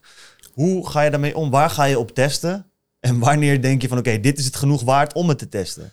Ja, ik denk dat het altijd een beetje het, ja, het vingergevoel is van ga ik het wel doen of ga ik het niet doen. Eh, gelukkig zijn dat ook de eh, punten binnen de organisatie. Die keuzes hoef ik niet te maken. Maar bijvoorbeeld Jasper, mijn compagnon, die, eh, ah, die, die heeft daar gewoon zo'n goede visie op. En die zegt gewoon, ja, ik denk dat het bij Paaspop lukt. En dat vind ik ook wel binnen onze club wel mooi. Dan zeggen we ook gewoon, nou ja, go with the flow. Succes, veel plezier, geniet ervan en maak er iets moois van. Maar dan is hij er zo dedicated mee bezig. En dan zegt hij, Lois, het moet lukken. Het kan geen flop zijn. En ik geloof gewoon, als jij je 110% inzet voor iets... Natuurlijk kun je een keer misschieten, maar dan gaat het bijna altijd goed. En als hij dan misschiet, hij heeft natuurlijk dan best wel wat druk Ja, op dan schouders. ho dat hoort erbij. Ja, dat is ook Ja. een klein beetje ondernemen. Dat, jouw partners, want je bent, je bent met z'n drieën begonnen. Ja. Hadden jullie vanaf het begin al een heel andere eh, ja, set met skills, waardoor jullie elkaar Ja. goed aanvulden? Ja. En hoe zag dat eruit? Ehm, Tom was vooral eh, productioneel en eh, financieel onderlegd. Dus die eh, wist alle cijfers, productioneel gewoon, oké, hoe moeten we nou degelijk en via de normen en waarden een evenement organiseren. Jasper is ehm, creatief wonder, echt eh, Hmm. bizar om te zien. Af en toe ook niet bij te houden. Het is gewoon, die man die gaat zo snel en dan denk je af en toe, hey, hallo, wij zijn er ook nog, rustig aan, we moeten het nog bijbenen. Ja, ja. En die zat vooral op de creativiteit. Die eh, deed een stuk marketing. Dus die pakte die eigenlijk op. En eh, ik probeerde altijd om heel de F&B, destijds nog vergunningen en eh, een stukje brand partnerships. Dus ja, welke merken kunnen we koppelen aan onze, onze evenementen. Was F&B, zei je dat? Eh, food and beverage. Dus Oh, al het eten en drinken ja. van zowel eh, de voorkant als de achterkant. Ja. En eh, het bijzondere is dus, ja, en ik verbaas me er nog steeds over. We doen het nu, denk ik, eh is wat meningsverschil over hoeveel jaar, maar zeg Mhm. even 12 jaar. Ik heb met die gasten gewoon nog nooit ruzie gehad. En dat is zo bizar dat je denkt, hoe kan je nou 12 jaar samenwerken en nog nooit ruzie hebben gehad? Wel woorden? Discussie. Of- eigenlijk Eh, ja, een bakje om drie uur s'nachts eh na een productie. En dan elkaar een beetje schoppen en slaan. Nee, nee, nee, dan. Nee, ja, nee, je hebt gewoon je hebt een er meningsverschil. aan ons. En eh, dat nee. kan, eh, dat, eh, bij jullie wel dan? Ja, Ja, af en toe. wel- toe. Maar het is wel gewoon Oké. vriendelijk, hoor. Allebei Vriendelijk. hard erin, maar dan is het goed. Nee, het is, ehm, eh, dus dat, dat is eigenlijk best wel bijzonder om te zien. Ja. En het, ja, het gekke was toen we samen met Peter en Joop gingen, dat je, ehm, ja, je hebt de connectie met mensen of je hebt hem niet. Hmm. En eh, bij, bij hun was het gewoon meteen raak. En je merkt dat Peter Sanders meer een mentor is voor eh, Tom en Jasper. Dus die is echt gewoon qua creativiteit en ook eh, financieel goed onderlegd. Dus dat was echt de mentor. En Joop werd echt mijn mentor. Van oké jongens, we gaan er gewoon, we gaan jullie klaarstomen voor het grote werk. Ja. En als dan ja, dat zo hand in hand gaat, ik weet zeker, we kunnen twee weken met z'n vijf op vakantie en we hebben de, de grootste lol. Ja. Ja, dat, dat moet je echt Ja. hebben, joh. Wat, eh, wat is dan van jullie allemaal samen? Want je zijn nu steeds grotere dingen aan het doen. Misschien dat je nu al wel grotere dingen doet dan je ooit had verwacht. Of had je eigenlijk wel zoiets van dit was altijd al Nee, ik had het nooit durven dromen. Nee. Nee. Wat is dan nu, want misschien is dat ook lastig, van wat is dan nu de grote droom? Want je hebt ergens dan die, die grote droom die je had, heb je dan al gehaald? Ehm, nou, ik denk dat wel een van de dromen zijn we nu aan het bouwen. We zijn een heel mooi kantoor in Schijnel aan het bouwen. Eh, ik vind dat ook wel de bekroning op het werk van de afgelopen jaren. En ik denk ook wel eh, onze maximale eh, gift naar het personeel. Want ik denk dat die daar, echt ja, die zitten daar zo mooi. Ik denk echt dat we, ja, dat we er alles aan hebben gedaan om hun binnenboord te houden. De werkdruk is hoog. We verlangen veel van ze. maar ja, ik denk dat dit de grootste gift is die we hadden kunnen doen. We zijn met die gasten en die dames ook allemaal zo blij. Eh, maar wat is de grote droom? Ja, ik denk dat de droom vooral eh, is om gelukkig te zijn en te blijven. Want het is wel, het is gewoon moeilijk af en toe. Vooral van familie, vrienden, werk. Wat is nou nummer één? Eh, wat is nummer twee en wat is nummer drie? Ja, wat dat is wel. Wat is nummer één? Mijn relatie en mijn werk staan zo die bewegen af en toe Ja, een beetje. Afhankelijk van of je vriendin kijkt, zijn die... Ja, nou, ik hoorde laatst wel een goede van... als man zijn heb je vaak een droom. Helemaal als ondernemer zijn. Je hebt een droom, je wilt ergens naartoe werken. En op het moment dat je daar niet naartoe kan werken... omdat iets anders bijvoorbeeld op nummer 1 staat... dan kan je dat niet behalen, waardoor je eigenlijk ongelukkig wordt. Of je familie en je vriendin niet echt kan onderhouden. Dus dat je daarmee in de problemen komt. Waardoor dat gedeelte ook weer ongelukkig wordt. Ja. Ehm, toen, zei, toen zei degene van ja, dus daarom staat mijn droom wel op nummer 1. En daarna mijn vrouw en mijn kinderen. ja. En op nu- nummer 3 Nee, ik denk dat het hand in hand gaat. Want ik denk als de, het thuisfront je niet volledig kan steunen, op welke manier dan ook, Ja. dat je zakelijk niet kunt bereiken wat je graag wil bereiken. Het ligt vice versa. Dus Ja. allebei de kanten heeft het heel veel. Ja. eh, ja. Want eh, je leeft, ik leef meer op kantoor met het team dan met mijn relatie thuis. Alleen toch als het niet in evenwicht is, dan he- hebben beide partijen, beide kanten hebben daar heel veel last van. Dus het is echt, ja. ik denk dat je, je relatie, je vrouw, je kinderen zo achter je moeten staan als je dit doet. Mhm. Want anders dan denk ik niet dat het een succes wordt. En dat bedoel ik in gelukkig zijn naast Ja, werk. Is het niet ook zo, want je gaf al aan, je hebt al best wel een lange relatie. Dat je ook elke keer weer moet herevalueren met je relatie. Want dat merk ik ook met mijn vriendin. Ik ben nu eh 7,5 jaar samen. Dat, ik bedoel, ik was student toen ze iets met me Ja. kreeg. En nu ben ik een soort van workaholic geworden. Dat je ook per keer weer gesprekken moet hebben van... Oké, ik ga nu dit doen met deze intentie. Hoe kijk jij daarnaar? Hoe werkt dat voor jou? Want ik merk, dat merk ik bij mezelf al... Heel veel van de dingen die je op een gegeven moment doet... had je nooit kunnen inschatten dat Nee. ze gingen zijn zoals ze zijn. Ja, het is vooral denk ik gewoon blijven investeren en blijven praten. Ehm, ja, en ik denk dat het is heel moeilijk, hè, want je verandert naast dat je je werk verandert, verander je als persoon ook en verander je ambities en je, je, je, ja, wat je leuk vindt om te doen. Dus eh, ik, ik denk dat het altijd heel moeilijk is, maar ik denk zolang dat je blijft praten en open bent over hetgeen wat er speelt. Want ja, die ziet jou of heel euforisch thuiskomen of heel down thuiskomen. Ja, je moet wel je verhaal kunnen blijven doen. En op het moment dat je niet meer met elkaar praat, denk ik dat het, Ja. ja, denk ik dat het heel snel klaar is. Hoe is dat geweest voor jou, die, die reis emotioneel gezien als ondernemer? Ik ben altijd een hele emotionele guy geweest. Dat betekent als het goed gaat, dan ja, kan ik keihard knallen. En maar als het kut gaat, kan ik daar ook Ja. echt mee zitten. Koen, jij bent daarin, hij is daar een stuk stabieler in. Mhm. Dus de hoog is wat minder hoog, maar de down is Ja. ook minder diep. Hoe is dat voor jou? Ja, bij mij is het echt wel emotionele rollercoaster. Ja, Maar dat is gewoon, ehm, je draait paaspop, je verkoopt uit, je zit te huilen op de bank. Gewoon als, ja, als ondernemer denk ik van, hè, ja. wat gebeurt hier nou? Waarom, eh, waarom, eh, ja, wa- waarom gebeuren de dingen die gebeuren? Alleen ik heb wel gewoon, eh, de zorg is ook heel groot. Dus Mhm. we zijn een heel nieuw pand aan het bouwen waar we gigantisch aan het investeren zijn. Waar ik ook wel zo het heel angstig van word. Dat ik denk, dus de ups, de ups zijn heel hoog, maar de downs zijn ook heel laag. En je staat altijd aan. En dat maakt het voor mensen om je heen heel frustrerend. Maar dat maakt het voor jezelf ook wel heel zwaar. Want je bent altijd maar bezig om te behalen waar je wil komen. Ja. Het is ook een beetje. Het, is ook, het voelt fragiel aan. Wat je zegt, eh, een, even- een, een, evenement, een festival kan hartstikke goed gaan. En dan heb je opeens het tweede jaar heb je slecht weer. Het derde jaar valt het in een weekend waar ook een WK is. Ja. En het vierde, vierde jaar heb je weer iets. En dan is het kapot. En Dan is het dan, gewoon heb je, klaar. dan is het Ja. gewoon klaar. En dat is eigenlijk allemaal, zijn allemaal factoren waar je weinig invloed op hebt. Nee, dat klopt. Wat is dat? Want dat is mij ook ooit inderdaad wel verteld. Dat festivals en evenementen, dat dat gewoon een branche is waarin je wel gewoon echt in een seizoen naar de kloten kan gaan. Gewoon als je een 100%. paar keer pech hebt. En soms kan je er ook niks aan doen. Ik bedoel, ik heb ook wel eens, eh, weet ik veel, barren staan opbouwen. En dan begon het halverwege begon de storm op te zetten. En dan kreeg je gewoon een melding, jouw hele festival gaat niet door. Ja, Maar ik kreeg wel betaald. En als ik betaald krijg, betekent dat ook dat er iemand betaalt, maar daar aan de andere kant niks voor terugkomt. nee, dat klopt. Ja, het is natuurlijk het is heel fragiel. En Ehm, als ik nu kijk, we doen dit nu eh, tien jaar, nu drie jaar met, eh, met Peter en Joop erbij. Het is natuurlijk een mega groot bedrijf, gewoon alleen voor mijn gevoel. eh, is het nog steeds iedere dag erop of eronder. Omdat je, ehm, ja, het kan gewoon een seizoen misgaan.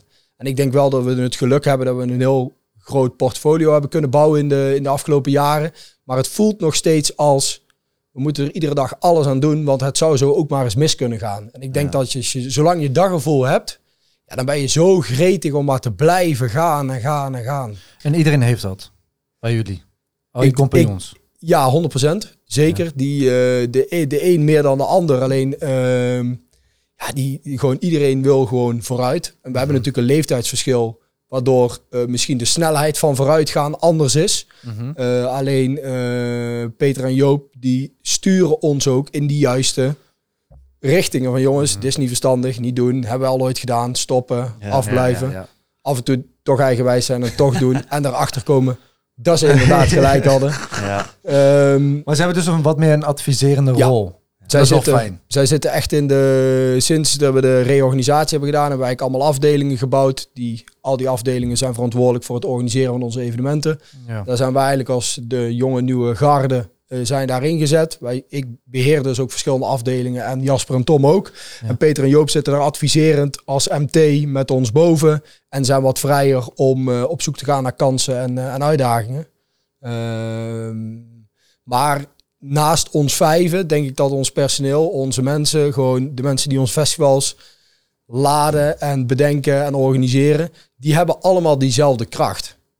En dat vind ik wel zo het bijzonder om te zien. Die geven gewoon allemaal zo ontiegelijk veel gas. Ja, en dan denk ik, ja, dat is. Ik denk dat vaker een mede of, een, of iemand die bij ons komt werken, er zelf eerder achter komt dat die niet past bij de club, dan dat wij het zien. Ja. Mm. Hoe trek je dat aan? Goede mensen. Ik denk goed zijn voor je mensen. Ja.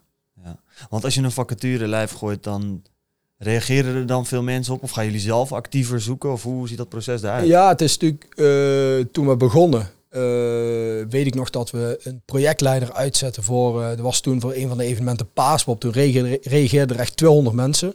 Er is uiteindelijk een, een dame uitgekomen. Ehm, en nu na coronatijd hebben we vijf, zes ehm vacatures uit. En daar werd veel minder op gereageerd. Ik dacht, hé, hallo, ons bedrijf is. ja, natuurlijk weer de roze wolk vanuit de ondernemer. We hebben een mega mooi bedrijf en Ja. het zit tip-top in elkaar. Hoezo wil jij hier niet komen werken? Ja. Maar je ziet gewoon, ja, er was natuurlijk gewoon krapte op de arbeidsmarkt. Iedereen die kon overal werken. Er was natuurlijk sky is the limit qua, qua, qua cash was er. Hè. Iedereen die verdiende, verdiende bakken voor de, eh, voor de inflatie. Dus ja, iedereen werd ook maar overal weggehaald. Maar je ziet wel, nu het weer wat rustiger wordt en de markt weer wat stabiliseert, dat er wel weer steeds meer mensen gewoon echt naar ons toe trekken. Alleen het is wel moeilijker hoe groter je wordt en hoe minder eh, jezelf in de operatie zit, hoe lastiger het ook is om echt daadwerkelijk die diamanten die, je, ja, die, die wij al binnen de club hebben, om die iedere keer weer te slijpen en aan je te binden. Ja, want hoe heb je dat in het begin gedaan? Om diamanten te vinden, of misschien ruwe diamanten? Ja, je komt eh, zeker. eh, wij in het begin hebben gewoon altijd met de voeten in de klei gestaan. Dus wij waren altijd aanwezig tot ik denk, tot de coronatijd waren we altijd aanwezig op onze eigen evenementen. Mhm. Dus je ziet gewoon mensen lopen en je denkt, ja, die, dat is ons DNA, die moeten wij hebben. En als jij als eh, iemand jou harder ziet lopen dan jijzelf, dan denk je, dat is een goeie. En eh, als dan diegene ook nog eens ziet van, hey, hij heeft ook gewoon pit om te werken. En als dat mijn baas wordt, dan doe ik het niet voor hem, maar dan doe ik het samen met hem. Ja, dan willen mensen gewoon voor je werken. Lead by example. Ja, als er een vloer bij ons op het festival scheef ligt, dan bel ik echt niet of iemand die vloer recht komt leggen. Dan leg ik hem zelf recht. Ja, ja, ja, ja. Dus voor de troepen uit blijven lopen. Ja, Ja. Wordt op een gegeven moment wel lastig, denk ik. Want je krijgt natuurlijk steeds meer taken. Dus die vloer ligt scheef, maar je denkt, ja, of ik ga nu daar tijd in stoppen om recht te trekken en dan ben ik een goed voorbeeld. Maar ik heb nu ook nog zes andere dingen die eh, aan me trekken. ja je, je, je werk verandert natuurlijk. Alleen ja, je, ja het, hoort er gewoon bij. Ik denk dat er. ehm, ja, ik, ik, kan, ik kan het niet anders uitleggen dan denk ik dat het bij het werk hoort. Dus er kan, er kan vijf man op jou zitten te wachten. Die weet ik voor wat wat jullie willen. Alleen, ja, zo zit je in elkaar als persoon. Dus jij legt gewoon die vloer recht. Ja, En ja. geen gezeur. Ja, zo zitten we een beetje in de wedstrijd. Ja, ja, Ja. oké, ja, dat is sterk. Hoe heb je jezelf ontwikkeld als manager? Want dat word je op een gegeven moment wel meer. Want je gaat van, denk ik, zelf alles regelen bij die cafeetjes. Ja. Dus ticketverkoop, marketing, et cetera. Waardoor jij ook alle controle hebt. Naar wat je zegt, je werkt met 40 mensen. En zelfs het aannemen heb je nu misschien niet eens meer altijd evenveel zicht op. Ja, dat vind ik, wel, vind ik een moeilijke vraag. Ook omdat ik denk dat wel een van mijn zwakkere punten het managen van eh, het team is. Eh, ik denk dat het sowieso heel goed afgaat. Daarom wat ik ook aangaf, wat respect voor een alleenstaande ondernemer die dan dat altijd zelf moet doen. Heb ik natuurlijk nog vier gasten die, eh, die je ondersteunen. Alleen ik denk, ik, ik vind dat altijd heel moeilijk. Ik denk alleen wel als het in goede harmonie gaat en je, ja, je laat zien dat je voor iemand bent en eh, de juiste sturing mee wil geven en ook iemand iets wil leren. Ik vind ook het aannemen van een stagiaire is altijd zo'n cruciaal punt. Als je een stagiaire aanneemt, dan moet je die daadwerkelijk kunnen begeleiden, anders moet je het niet aannemen. Ja. En dat is denk ik hoe wij ook met het personeel omgaan. Eh, bij ons staat de deur altijd open, het is nooit gesloten. Eh, wij zitten gewoon nog steeds met z'n allen te werken op de afdeling.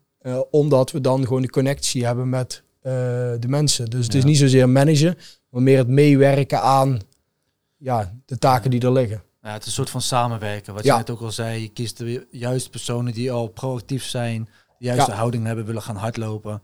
En dan zeg je gewoon, oké, we gaan samen hardlopen. Ja, dat is eigenlijk een beetje. Daar, gaat, daar moeten we natuurlijk wel een keer vanaf, hè, want het eh, takenpakket groeit aan de andere kant. Je moet per per ongeluk in één keer een pensioenregeling eh, regelen, omdat wij geen CEO hebben. En je wil natuurlijk toch wel dat de baan waar zij nu zitten, in onze branche is geen CEO. Dus je wil dat die mensen gewoon, als ze 65 zijn, hier de deur uitlopen en die zeggen: Vriend, we hebben echt een topleven gehad met z'n tweeën. Eh, het was fantastisch.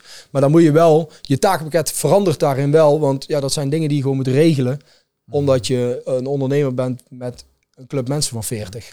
Klopt, ja. Wat vind je het leukst om te doen momenteel als, als ondernemer? Ehm, ik denk het, het leukste is wel gewoon kansen benutten. Dus Ja. eh, we waren hier net aan het opbouwen. En eh, Jasper die belde, had een gesprek gehad eh, in Den Bosch voor een nieuw project. En die zegt gewoon, en ik hoor aan zijn stem dat hij enthousiast is. En ik zeg, wil je het doen? En hij zegt, ja, ja, je moet daar even naar de begroting kijken, maar ik wil het heel graag doen.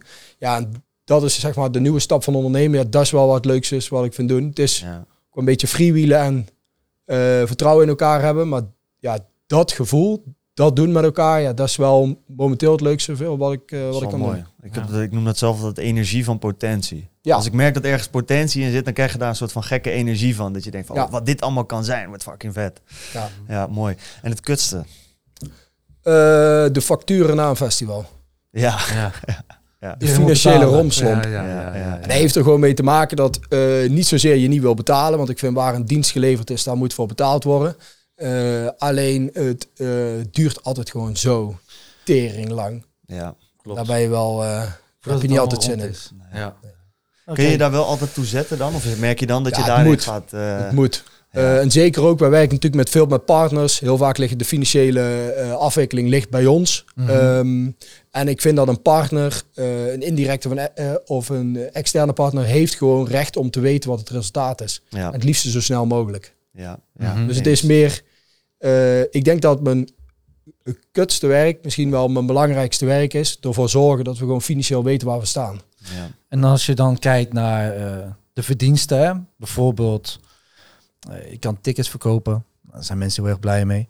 Alleen daarnaast realiseren mensen niet dat je via heel, ook heel veel andere mogelijkheden hebt om geld te verdienen of om ja, brand awareness te creëren. We hebben bijvoorbeeld ook Will Lions hier.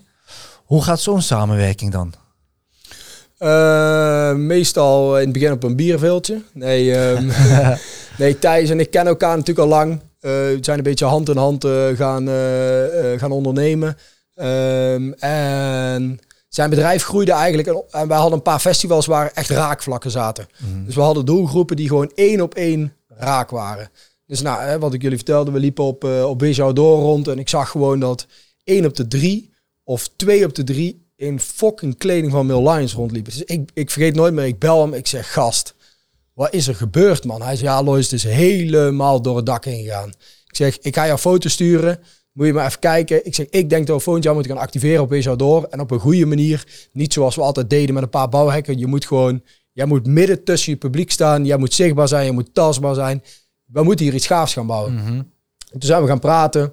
Ehm, en eh, eh, gewoon met elkaar aan tafel wel een brand partnership manager bij hij ook. Maar je merkt dan toch dat je samen een beetje die connectie hebt en voelt met elkaar wat je wil. Ja. En toen zeiden we al heel snel, hij zegt, Lois, werk maar een plan uit, laat me weten wat het kost. Dan ga ik mijn Milline sausje eroverheen doen en dan gaan we het gewoon proberen. Ja, dat was toen nog een eh, secret area, helemaal ontploft. Er stonden wat opkomende artiesten. En voor dit jaar hebben we ervoor gekozen om echt zwaar in te zetten. Area van volgens mij 3.500 bezoekers. Drie dagen open, hoop influencers erin. Alles in, ja, in feeling van Will Lions. En ik zei tegen, ook tegen Thijs toen in het eerste jaar deed. Ik zei, maar zo ben jij, zo tastbaar voor jouw fans. Want die, jij, jij staat hier met hun. Ja. Ik zeg, en jij laat niet op een telefoon via algoritme zien dat jij een tof t-shirt hebt. Ik zeg, jij staat er middenin. Ja, en dat is gewoon zo'n succes geweest, waardoor hij nu probeert meer door te trekken op andere evenementen. En eh, ja, ik denk dat dat wel een- ook wel een, een onderdeeltje is geweest van de groei die, eh, die Mail Lines eh, gemaakt heeft. Hoe zie je dan dat die mensen zelf op elkaar reageren? Dus iedereen heeft dezelfde kleding aan. Kijk, ik heb wel eens gehad wat ik in minder nuchtere staten Ja. verkeerde, dat iemand dezelfde overhemd aan had als ik. Nou, toen waren we gelijk beste vrienden voor de rest van de Ja. dag, zeg maar. Hoe eh, zag, zag je ook echt in het publiek dan relaties, mensen met elkaar Ah, connecten? je Of hoe hebt natuurlijk op een festival heb je zeker een crossover festival als Wees Door heb je natuurlijk eh, verschillende eh, delen van het festival waar verschillende doelgroepen bij elkaar komen. Ja. Er is een, een deel van het festival waar de hardere stijlen in zitten. En daar loopt gewoon een derde, twee derde met zijn kleding aan. Loop ik de live in, waar Suzanne Freek staat te draaien, dan kom ik er misschien één op de acht tegen. Ja. Dus ik zie, oké, hier zit zijn doelgroep. Die mensen zijn connected met elkaar, zijn vrienden van elkaar. Ja, klinkt een beetje gek, maar lijken ook allemaal een beetje op elkaar. Ja. Dus ja, ik denk gewoon, ja, dit is zijn, eh, zijn doelgroep. Toen hebben we ook eh, in jaar 1 of in jaar 2 hebben we een crossover post gedaan met verschillende festivals, met eigenlijk verschillende doelgroepen. En toen zagen we gewoon, oké, okay, Wish Door en Electrum hebben we dat later aan toegevoegd. Ja, dat was gewoon organic eh, views. Ging dat ging helemaal door het dak heen. Volgens mij 1800 mensen gereageerd. Gewoon gratis. Eh, vijf mensen per post getagd. Ja. Eh, 2000 likes. En Thijs zei, ja, dit is, dit is één op één raak. Dit is, dit is mijn doelgroep. Mhm. Ik zei, ja, dus zo zoek je natuurlijk wel een beetje van wie zit waar en eh, hoe, eh, hoe kunnen we merken koppelen aan, eh, aan, aan festivals. Want dat had je inderdaad eerder, zei dat ook al, dat je dan, als je zo'n succes boekt, ga je eigenlijk een soort van terug-engineeren van hé, welke doelgroep is dat Ja. nou, hoe ziet dat eruit? Hoe ziet dat er dan uit? Wat, wat typeert dan die Mill Lions fans en wat jullie doen met, met Wish? Ik denk dat het vooral, vooral wel ook muzikaal gericht is. Ja, Ik denk dat, volgens mij zijn ze daar bij Mill Lines nu ook heel erg mee bezig. Van oké, waar houden mijn fans nu eigenlijk van? ja. Houden die van voetbal? Of vinden ze basketbal leuker? Gaan ze liever motorcrossen of kickboksen? Luisteren ze liever hardstyle of techno? Als je natuurlijk daar heel goed weet wie je doelgroep is, dan kun je natuurlijk ook gewoon heel direct zichtbaar zijn. En het was bij ons ja, een klein beetje met hagel schieten. We hebben gewoon een paar evenementen geprobeerd. Nou, hè, ondernemer ziet veel kansen. Dus ik zei, Thijs, nee jongen, niet alleen Wish en Electro. We hebben nog veel meer evenementen. Maar je moet gewoon wel eerlijk zijn. Het werkt ooit of het werkt niet. Nou, en uiteindelijk met hagel geschoten kom je bij een paar eh, pionnen uit. En zo zie je dat, dat, dat merken passen. Maar er zijn ook wel zo'n evenementen die we proberen met een ander merk. Wat helemaal raken en aanslaat. Of ja, wat niet werkt. En dan moet je ook gewoon eh, je verlies nemen. Ja. En hoe gaat het dan van tevoren? Hè? Hoeft niet per se met Thijs te zijn, maar het kan ook met een andere brand zijn. Zeggen jullie van nou, je, je zet een kraampje neer of eh, en je gaat de, zeg maar de winst verdelen? Nee. Of hoe gaat dat zeg maar? Ja, het is voor ons, dat is eh, sinds dat we This is Live zijn begonnen, was dat wel echt een verademing voor al die merken. Want het was natuurlijk altijd Paaspop Events, eh, One of the Guys, eh, welk evenement zat nou waar. Dus we hadden eigenlijk gewoon de brand die klopte eh, en we konden aan de slag. En toen zagen we wel dat heel veel merken in één keer echt op ons afkwamen. Dus denk bijvoorbeeld aan een Basic Fit Next Level. Next Level is een, een proteïnemerk van Basic Fit. Oké. Eh, die, ehm, die zeiden, wij willen eigenlijk zorgen dat mensen komen sporten bij Basic Fit. Dus ik zei, nou, dat kan. Ik zeg, ik heb twee campingfestivals, daar, of drie campingfestivals. Daar, kan, daar kunnen we gewoon een gymactivatie bouwen van Basic Fit. Nou, afgelopen weekend op Paaspop gedaan. Eén groot succes. En dan denk je, oké, top, raak. Doen we voor drie jaar. Dus zo probeer je dus wel eh, merken aan je festival te koppelen. Wij zeggen wel altijd, als het niet past, of wij vinden het geen toevoeging aan de brand, dan doen we het niet. Ja. Ongeacht dat je zegt, ik betaal bedrag X, dan zeg ik, ja, maar mijn bezoeker zit niet op jou te wachten. Hij heeft geen zin Mhm. om op zijn zaterdag Dus een toevoeging aan jouw brand. Niet per se hun, maar aan jou. beide. Beide. Maar vooral, ja. Brent, je hebt twee kanten natuurlijk. Ja. Ja, wij krijgen aanvragen binnen van, eh, van partijen. Maar ik denk, ja, sorry, maar ik kan hier niks mee. Ja, Easy ja. Toys. Ik heb wel Misschien evenementen waar het bij past. En dan hele seksuele evenementen. Maar bijvoorbeeld een evenement als Smerg. ja. Maar dan is de vraag ook, ehm, hoe wil je je profileren als Smerg zijn? Smerg is een mega mooie brand.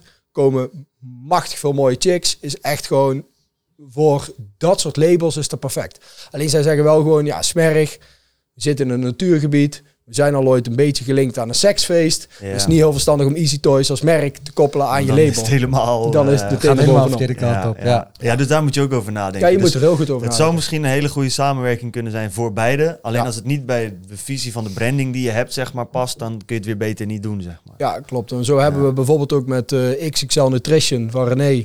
Doen we ook weer Wish en Electrum. En zo zie je gewoon dat die brands, ook meer Lions en XXL, gewoon heel Passen bij elkaar. passen bij elkaar. Dat is Ja. goed, ja. Ja, ik weet nog wel dat wij dat op een gegeven moment ook hadden. Wij deden beveiligingswerk op Defcon. En dat, toen op een gegeven moment liepen wij daar ook 's ochtends vroeg eh, ergens over langs een stage. En toen stond daar een, nou, ik weet niet meer welk sportmerk het was, maar ook een hele gym. Ik had dat toen nog nooit Ja. gezien. Toen dacht ik, ah, dat maakt eigenlijk wel sens. Op Defcon heb je al die grote gasten. Ja. Ja, die willen als ze op de camping staan ook de gym pakken. Ja, Het, nou mooie, grappig. het mooie was juist dat ik... eh, ik werd daar neergezet. Voor de hele dag.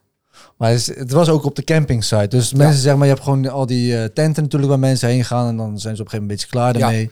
En dan komen ze terug. En dan gaan ze lekker in hun tentje zitten. En denken van, ja, dit, dit is ook vervelend. Ja. En dan gaan ze lekker sporten. Ik vond het wel mooi. Ik heb de hele dag daar gestaan. Eh, mensen met leven. grote ogen gezien. Met je witte poeder op hun neus. Ja, ja. Helemaal geweldig. Ja. Maar eh, het is wel leuk om te zien dat die ontwikkelingen daar komen. Zeg maar, ja, het, wat, wat jou net ook zei, het wordt echt een pretpark. Ja, ik denk dat je er probeert, eh, in de fase waar we nu terecht zijn gekomen, je probeert er echt alles aan te doen dat het lijkt op een vakantie, een mini-vakantie. Ja. Het kost natuurlijk ook de bedragen als een, eh, als een, als een mini-vakantie. Maar ik denk dat je er alles aan doet. Dus daar hoort bij een gym, daar hoort bij een barbershop, daar hoort bij een kledingwinkel, daar hoort bij een supermarkt. Helemaal in festival setting waar je met je karretje erin kunt lopen en je bananen en je boterhammen en alles kunt halen. Ik denk dat we nu in het stap zitten van het organiseren van evenementen, dat je er alles aan doet. Dat het zo dicht tegen echt een vakantie aankomt dat mensen zeggen, weet je, ik skip een vakantie omdat ik naar een van die festivals wil. Ja. Oké, ja, een barbershop, wat je net zei, is wel eh, Ja. echt een goeie. Dat je weet dat van tevoren. Ja. En ga je dan nog eventjes voordat je echt het uh, En je doet er echt alles aan. Dus Ja. je bent echt. eh, en ja. Ja. de vraag is ook. Waar, hè, ik vraag me ook wel zo af, wat zijn nou de bedreigingen van festivals? Eh, hoe, eh, hoe lang gaat dit nog door? Eh, hè, je hebt natuurlijk, vroeger had je een, een kroeg en toen kwam er een discotheek en toen kwam er een festival. En ik denk dat een festival Ja. zoveel kracht heeft om altijd maar te blijven doorontwikkelen, Ja, om dichter te komen naar de volgende stap. En ik denk dat je vanuit een festival, ja, of het moet futuristisch worden dadelijk met 3D-brillen en wat dan ook. Maar ik denk ook dat daar dan weer een festival op inspringt. Ja. dan zeker. Ja. Dus oké, als je, we hebben het nu daarover. Wat is nog een soort festival wat jullie nog niet hebben gedaan, maar waarvan je zegt van, hé, zoiets wil ik nog echt organiseren? Eh, ik denk dat wij... We hebben natuurlijk best wel veel overnames gedaan. Best wel veel evenementen met al een ziel die erin zat. Ik denk dat wij wel van scratch af aan een keer een heel muzikaal, puristisch festival zullen wil- willen organiseren vanaf het begin. Waarin je gewoon helemaal kunt kneden eh, waar je het wil hebben. Eh, de enige ding wat er altijd op ons pad komt is tijd. Tijd en focus. En eh, vooral de tijd om zoiets neer te zetten, ja, dan moet het gewoon zo kloppen. En ja, ik denk dat dat wel, ja, dat zal het wel zijn. Ja. Echt een eigen ding. Sluit Ja. ook wel eh, mooi aan eh, wat je zegt. Iedereen die dit kijkt of krijgt vaak DM's. Wat is nou de nummer één les die je leert van al die ondernemers die je spreekt met succes? En dat is wat jij net noemt, focus. Ja. Focus is zo fucking belangrijk. In, in. Heb je ook een tijd gehad dat je dat niet had? Want dat vind ik interessant. Elke ondernemer die we spreken zegt focus is heel belangrijk. Ja. En in de volgende zin zegt hij ja, maar toen ik mijn bedrijf begon had ik wel ook nog een vaste baan. Ja, Want ja, je kan niet altijd direct vanaf Nee. het begin je, je, je boterham ermee financieren. Op welk moment heb jij gekozen, ik ga 100% focussen? Ehm, ik denk dat het een jaar vier of een jaar vijf was. Toen ehm, werkte ik daarna part-time, zeg maar. Wel al in de freelance basis. Maar toen werkte ik part-time nog elders. Daarvoor nog fulltime. Dus ik was eigenlijk al een beetje afgeschaald naar part-time. Alleen na een tijdje kom je op het moment en dan denk je, het is erop of eronder. Ik ga het nu proberen. Ik denk, wat heb ik te verliezen? Ik was nog jong. Ik had geen, geen kinderen. Ik had geen auto. Ik had helemaal niks. Dus ik denk, ja, het enige wat ik moet doen is zorgen dat ik recht overeind blijf staan. En dat iedereen me aardig blijft vinden. En dan moet ik gewoon gas geven. en er komt gewoon een moment dat je zegt, nu die focus erop. Nu proberen. Vier jaar gas geven. En als het dan niet lukt, dan moet je je afvragen, moet je niet gewoon iets anders gaan doen? En ik heb me in die vier jaar tijd, denk ik wel, vijf keer afgevraagd. Moet ik niet iets anders gaan doen? Gaat het überhaupt nog wel eens ooit lukken? Zeker, je ziet andere mensen veel korter bezig en die zien ik, hup. En dan denk je, ja, waarom, eh, waarom lukt het niet? Maar ik denk als de drang om het te laten lukken zo groot is, ja, dan lukt het voor 95% van de keren. Hoe dan ook. Niet misschien in hetgeen wat je als eerste bedacht had, Mhm. maar het komt goed, 100%. En waarom stop je dan niet na twee jaar? Eh, omdat het passie is. Dus je bent doorgegaan omdat Op passie, passie volle was. bak. En ik denk dat mijn moeder, denk ik wel, twintig keer heeft gezegd: Lois, alsjeblieft, stop ermee. Laat, het gewoon. Ja. het gaan. Zoek een baan. Ga. En die, ja, die is nu natuurlijk mega trots. En die zegt ook gewoon: Ik ben zo blij dat je door hebt gezet. Alleen, Mhm. ja, dat is natuurlijk ook mama eigen. Van jongen, ehm, ga op je benen staan en neem een volwassen Ja, baan. ja, ja, ja, ja. ja, dat is wel mooi dat je dat zegt ook. Want ik zie dat veel in de community die- we hebben of in reacties. Mensen die zeggen dat ze die frustratie hebben van ik ben begonnen met ondernemen, maar niemand om me heen snapt dat. Of niemand, niemand ziet wat ik zie. En eerst was ik daar ook, vond ik dat ook wel moeilijk. Weet je, ook met mijn vriendin van dat je aan haar gaat zeggen van ja, ik ga stoppen met mijn vaste baan, want ik ga focussen op dit. En dat ze denkt van "T- stoppen met je vaste baan, doe je even rustig aan. Ja. Moet ook gewoon de huur betalen en zo. En dat je dan denkt van ja, maar vertrouw je dan niet in mij zoals ik vertrouw in mezelf? En ik denk dat ja, de harde realiteit is gewoon dat niemand kan vertrouwen in jou totdat je het gedaan hebt. Omdat de meeste ondernemers een visie hebben die ook gewoon een beetje gek is. Ja, ik denk dat het gewoon. ehm, ja, ja, ja, het, is heel, het is heel moeilijk uit te leggen. Want ik denk dat je gewoon. Ja, je hebt een gevoel, je hebt een passie, je wil ervoor gaan. Alleen eh, je weet niet zeker of het gaat lukken. Heel veel mensen zeiden: Ja, weet je dan. Dacht je altijd al dat het ging lukken? Ik zeg nee, ik had nooit gedacht dat het ging lukken. Maar ja, het is gewoon pushen, pushen, pushen, pushen, pushen en doorzetten. Eh, dat betekent wel dat je daarnaast er alles voor moet geven om wat om je heen staat wel recht te houden. Dus ik werkte s'nachts in de kroeg. Ik, ik deed van alles om financieel wel gewoon op de rit te blijven. Ja. Alleen ik denk dat niemand om je heen echt begrijpt in het begin als je start van waarom doe je dit eigenlijk. Het leven kan zo makkelijk zijn. Ga bij een baas werken. Ga daar 40 uur werken. Neem genoegen met een salaris. Kun je in Nederland mooi leven. Maar ja, ik, ja het zit dat. in je of het zit niet in je. Ja. Ja. Nee, ik denk, we hebben wel eens, eh, we, laatste dagen hebben we denk ik vaker een gesprek erover dat eh, als persoon leef je gewoon je leven natuurlijk en dan word je 15, 16 en dan kom je opeens erachter van hé, hey, ehm, ik kijk naar bepaalde dingen, maar ik, ik, ik heb niet hetzelfde perspectief als de meeste mensen om me heen daarop. Je denkt in het begin, dat is eigenlijk best wel normaal. Waarschijnlijk heeft iedereen zijn eigen visie zeg maar, op het ding en dan zijn ze het niet helemaal mee eens, maar ze doen het toch aan mee. Ja. Hè, bijvoorbeeld eh, elke weekend uitgaan. Ik, ik, ging, ik heb dat ook gewoon gedaan. Alleen ik had altijd wel het gevoel van, ik wil mijn tijd wel beter besteden. Ja. Ik heb het gevoel dat er hier iets in zit wat mij tegenwerkt. Zeg maar een soort van contrast. Ja. En ik dacht, dat is heel normaal. Iedereen heeft dat. Alleen dan kwam ik op een gegeven moment hem tegen. En hij ging bijvoorbeeld er tegenin. Oh, voor het eerst dat ik Ja. iemand ontmoet die dat echt doet. En dat bedoel jij, en dat bedoelen wij denk ik met dat gevoel van... je gaat iets doen, terwijl het eigenlijk gewoon tegen de massa ingaat. Ja. En de meeste mensen hebben dat gevoel niet per se. Of misschien helemaal onderdrukt dat Ja. dan ook hoor. Alleen ik, wij kwamen laatst erachter dat dat gevoel... ja, misschien hebben andere mensen dat gewoon niet helemaal. Of Nee, dat, denk dat ik ook. vlammetje nog niet aangewakkerd. Ah, het mooie is natuurlijk als je... Ja, je, je verzamelt natuurlijk een heleboel mensen om je heen die je van, van, ja, van begin, van scratch tot nu ziet komen. En als je die journey dan uitlegt aan die mensen, dan, dan, dan begrijpen ze het. Ja. Maar op het moment dat je vijf minuten met iemand staat te lullen, die zegt, jongen, stop met me praten. Ik snap volledig wat je bedoelt. En dan denk ik, hoezo? Hoe? Ja, het lijkt wel of die breinen op dat stuk gewoon een Ja. klein beetje op elkaar lijken. Mhm. Dat is gewoon heel moeilijk uit te leggen. En die zet een hand op je schouder en zegt: Jongen, ik snap het helemaal. Ik heb hetzelfde meegemaakt. Er waren gigantische pieken, enorme dalen. Ik heb een hoop shit meegemaakt, maar ik ben wel waar ik nu ben. En ik denk, Ja, het is net een beetje als oorlog voeren. Het is gewoon, dit moet lukken. Hoe dan ook. Mm. Ja. Ik vind het ook wel mooi. Dat is ook waar lotgenoten vandaan Ja. komen. Dat gevoel wat jij zegt, dat je op een verjaardag binnenkomt. En dat je eigenlijk allemaal mensen ziet dat je denkt, ja, ik heb niet heel veel zin om te vertellen over mijn 9 tot 5, dit, dat. En Ja. ineens is een ander gast van, ja, nee, ik, ik, ik zit in deze, in deze business. En denk ik, ja, deze teringleier, die snapt er wat van. Ja. En dan heb je heel snel een, inderdaad een band. Wat ik mooi vind wat jij net zegt, en dat ervaar ik zelf ook heel erg, dat je dus aan de ene kant hele grote dromen hebt waarvan je zegt, ik hoop dat het lukt. Mhm. En aan de andere kant de twijfel van ja, het gaat waarschijnlijk nooit lukken, maar we gaan het maar gewoon proberen Ja. of zo. Ik vind dat een mooi conflict wat ik zelf ook heel erg ervaar van.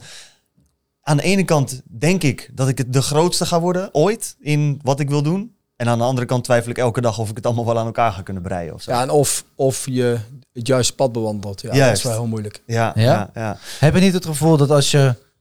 Tenminste dat, dat ik van...